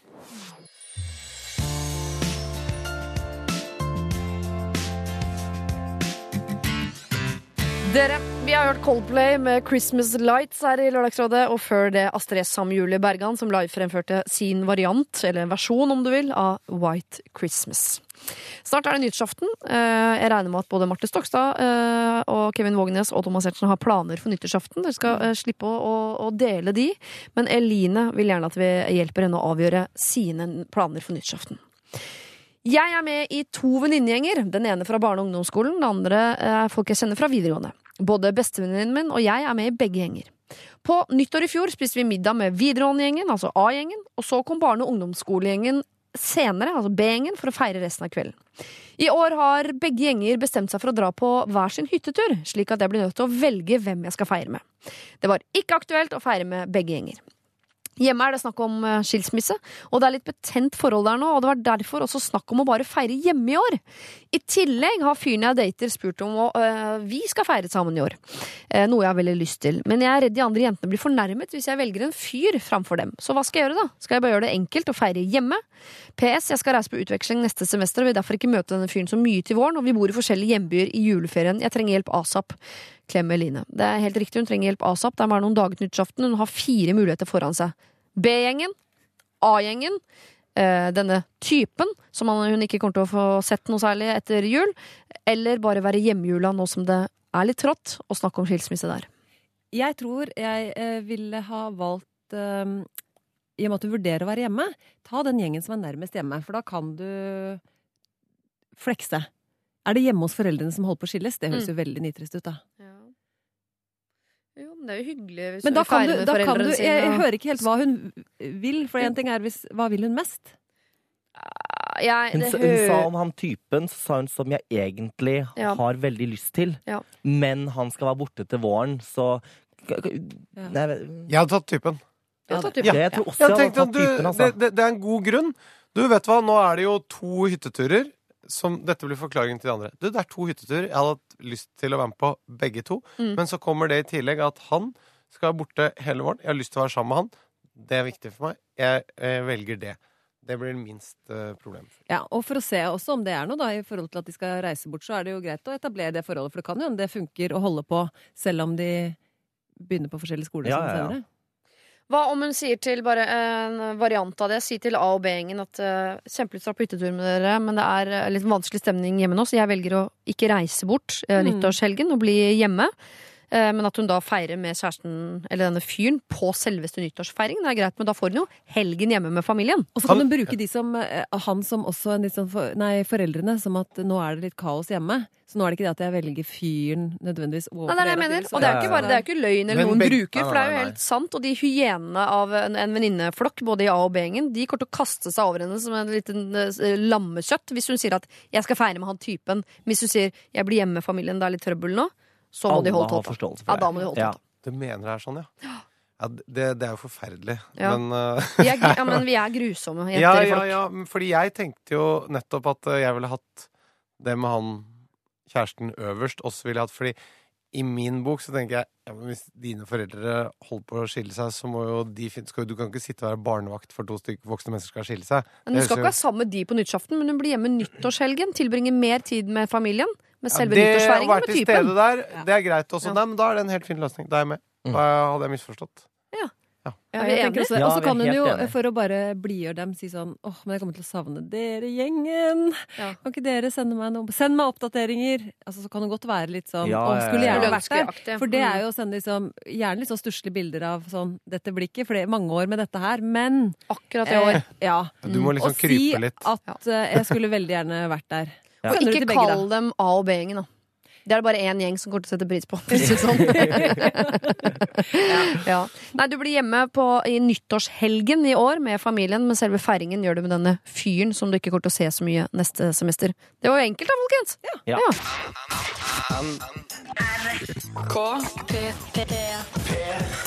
What Do You Love, Spurdy, Seeb og Jacob eh, Banks. Eh, Det skal vi ikke svare på, men vi skal prøve å svare Robert på hva han nå skal gjøre med den suppa han har forvillet seg oppi.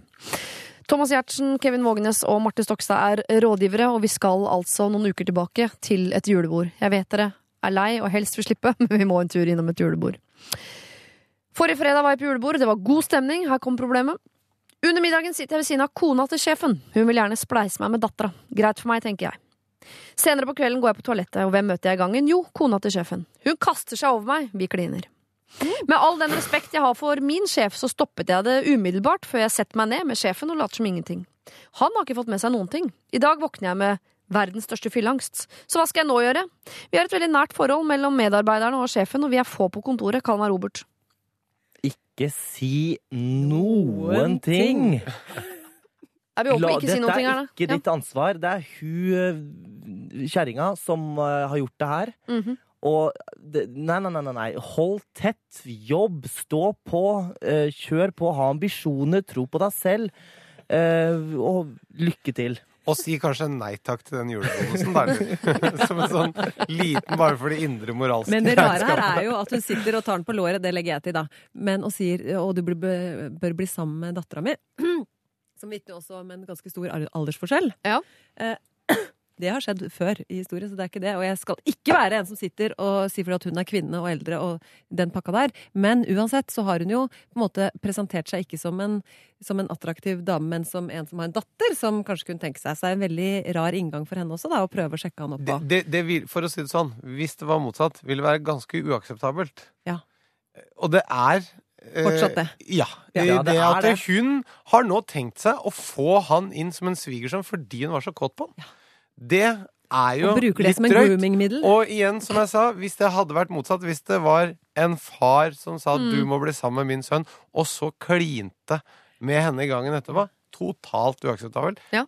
Eh, men jeg syns jo eh, det er spesielt av hun kona Men Altså, skal man USA- Vi må lufte en I USA. Det er gøy. USA, Jeg elsker når du sier USA. dette, fordi, fordi hun er gift med sjefen. Ja. Er i en maktposisjon overfor han.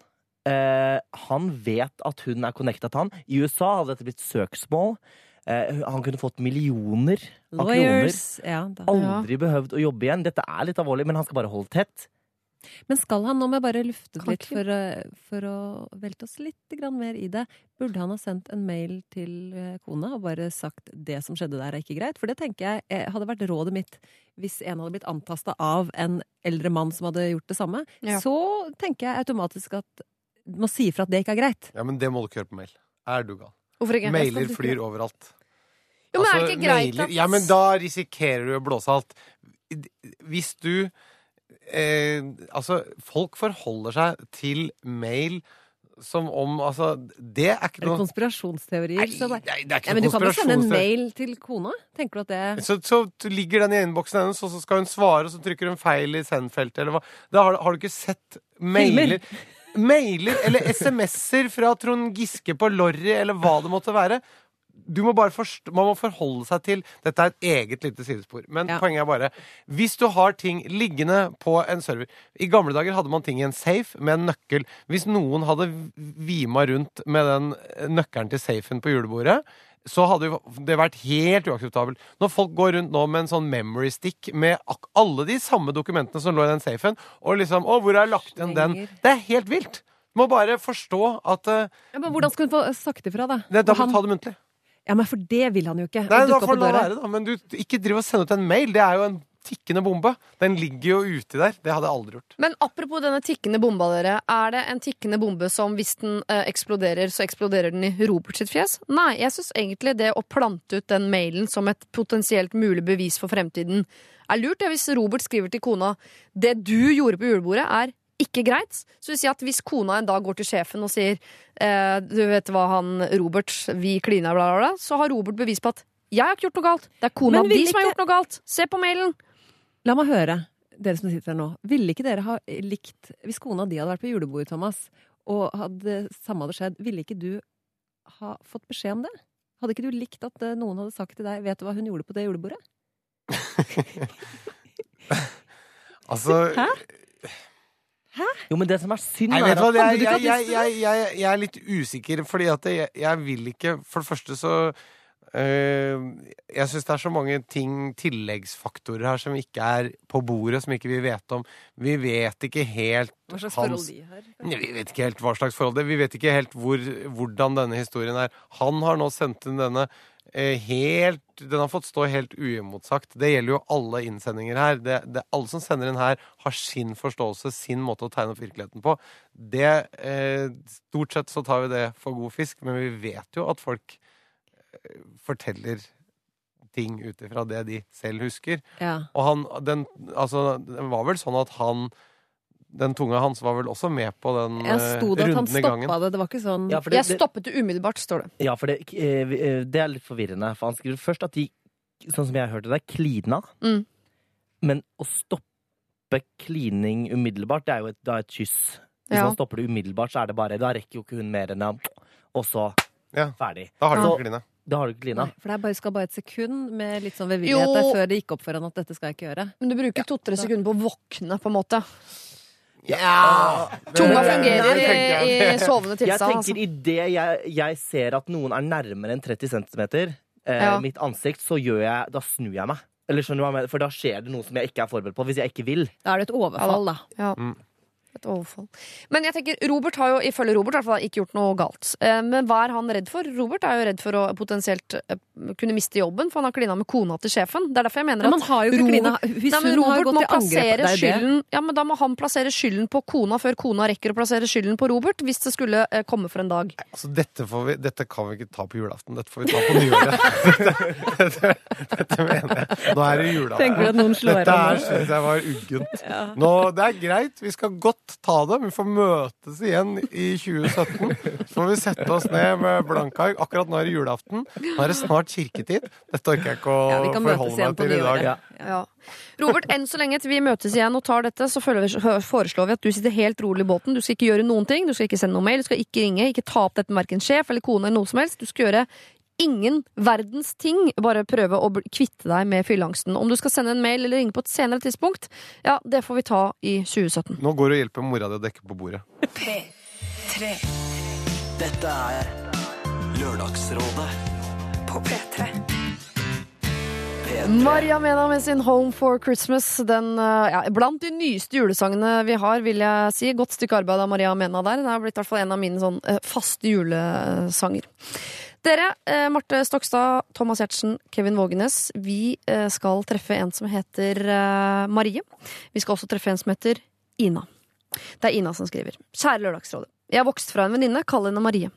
Fra ungdomsårene eh, har vi kjent hverandre, men jeg sliter med å avslutte det litt kleine, påtatte forholdet vi har til hverandre nå. Jeg har kjent denne venninnen siden ungdomsskolen, og vi har holdt kontakt også i årene siden. Det har vært et mønster gjennom hele vennskapet at det forventes at jeg skal stille opp hele tiden, men jeg får aldri noe tilbake. Det tok noen år før jeg så at dette ikke var en venninne jeg ønsket å beholde. Jeg kan også nevne at kontakten for alvor dabbet av da jeg trakk meg fra å være forlover fordi Marie, for Marie fordi jeg verken hadde tid eller følte at det ble riktig. Jeg valgte til slutt å ikke dra i bryllupet i det hele tatt, fordi resultatet av at jeg trakk meg som forlover, var at jeg ble invitert til kaffen. Dette ble ikke godt mottatt av Marie. Men før jeg kom til dette punktet, ble jeg spurt om å være gudmor for datteren hennes, noe jeg takket ja til den gangen.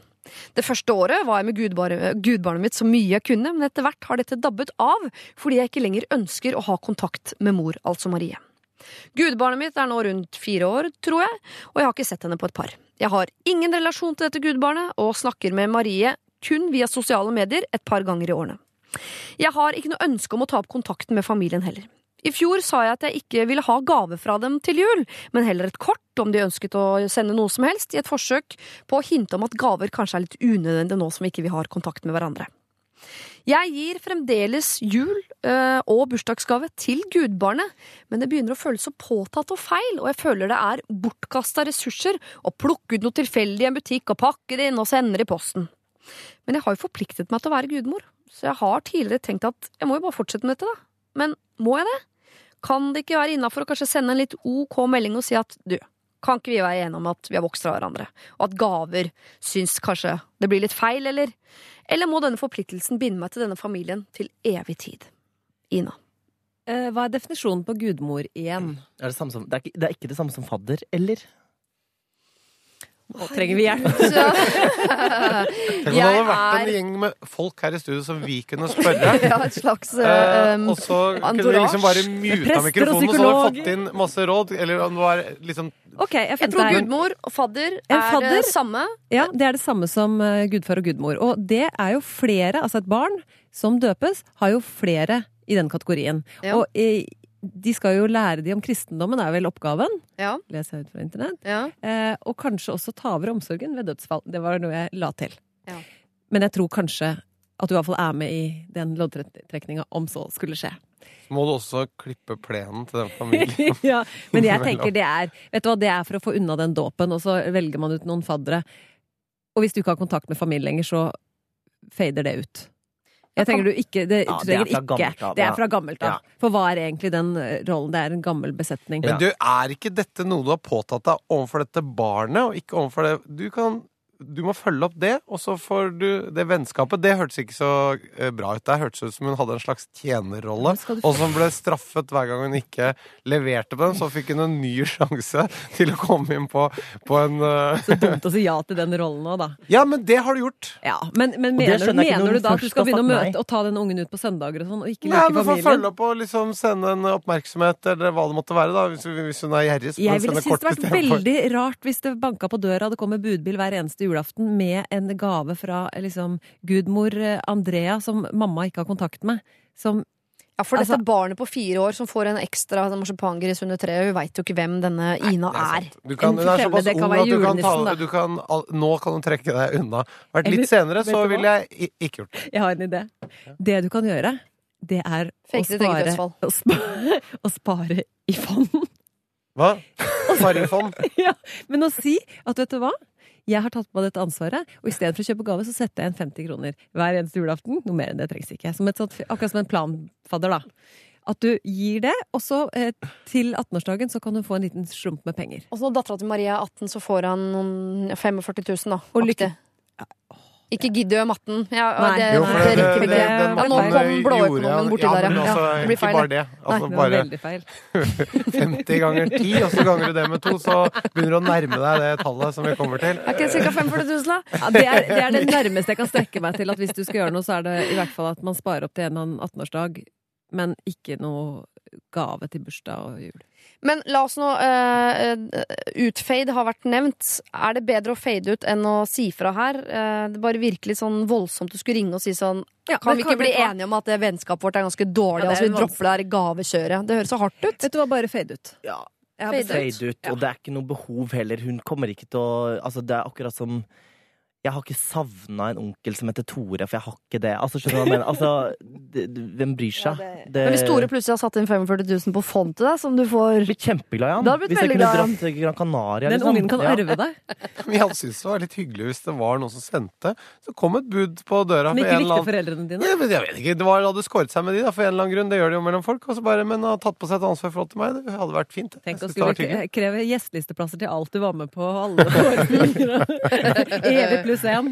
Ja, men det Nå, kunne nå er vi jo en sånn litt eh, hard gjeng som på en måte ikke legger noe verdi i det å være gudmor og sier 'herregud, fade ut, da, ikke, ikke bry deg noe om det'. Det er jo, Men det høres jo litt sånn hardt ut, men at hun sa nei til å, bli forlo- til å være forlover. Det var liksom eh, det var helt- etterpå. Det var etterpå. det var etterpå, ja. Jeg trodde Det det var skrevet før. i litt sånn. Fiction-aktig Mm, mm. Men jeg Stil, vet om folk, venner av meg, som er, har tittelen både gudmor og gudfar, som ikke følger opp nevneverdig, og som heller ikke gir en spesiell gave.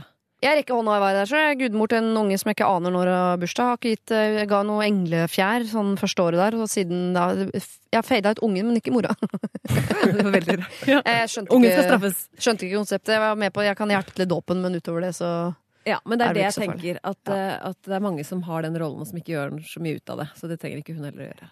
Og før i tida så kunne folk dø når som helst av både svartedaud og eh, Nå går du langt tilbake, gutten min.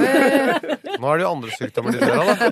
Og stillbestiller kusma og svartedauden. Ja, men det skjedde så pl- plutselig. Ja, Ja, med sånn kreft og sånn får man ofte litt eh, for, forberedelse.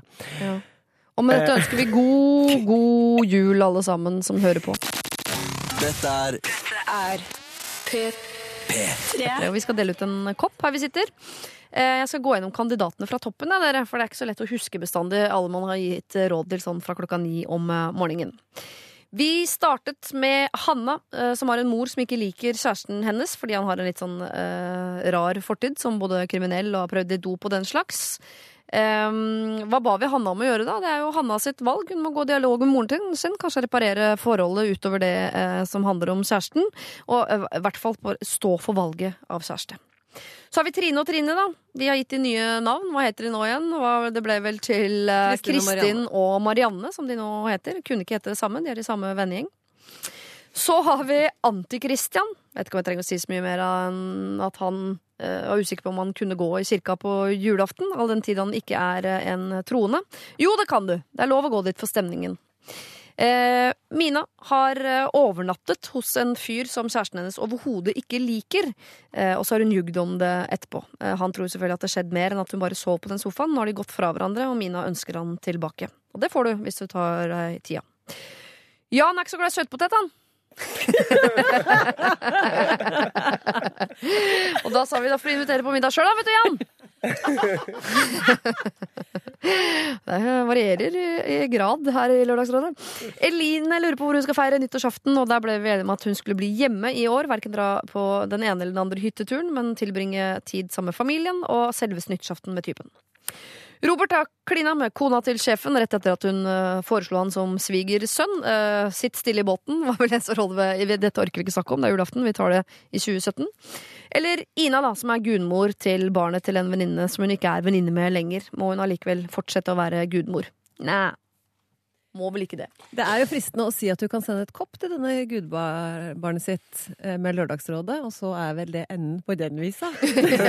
Det er jo egentlig et veldig godt forslag. Jeg eh, tror jeg nesten rangerer det over mitt eget. Som Ja, kommer det da? Mitt var å rett og slett sende en kopp til hver av de to Trinene med navnekopp med nytt navn på koppen. Ja. Eh, hvor de kunne, for dette, det, Det det, å få innarbeidet det navnet, det kommer, til å, det kommer til å ta litt tid. Så en eh, kopp kan hjelpe til.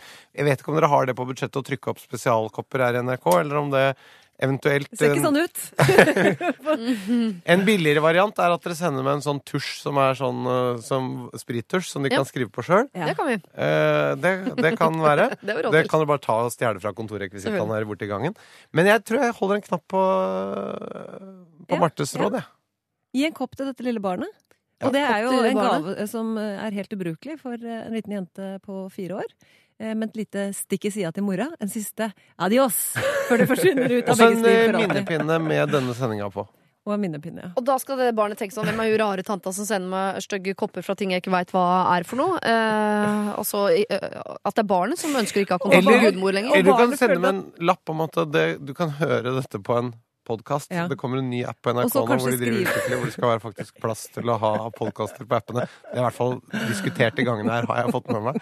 Så det blir Da kan du få med seg Lørdagsrådet fra julaften 2016. Men det er gøy å gi, gi et lite barn ansvar, for det er det jo alltid snakk om i skilsmisse. sånn. Det er ikke deg som er problemet, det er ikke barna har ingen skyld. Og plutselig så er det at barna har veldig mye skyld, at det er du som har problemet, din lille eh, fadderbarn, Ja. som får denne koppen. Så da trekker jeg meg litt på eget forslag, merker jeg, men ikke nok til at jeg fortsatt syns det er en god idé.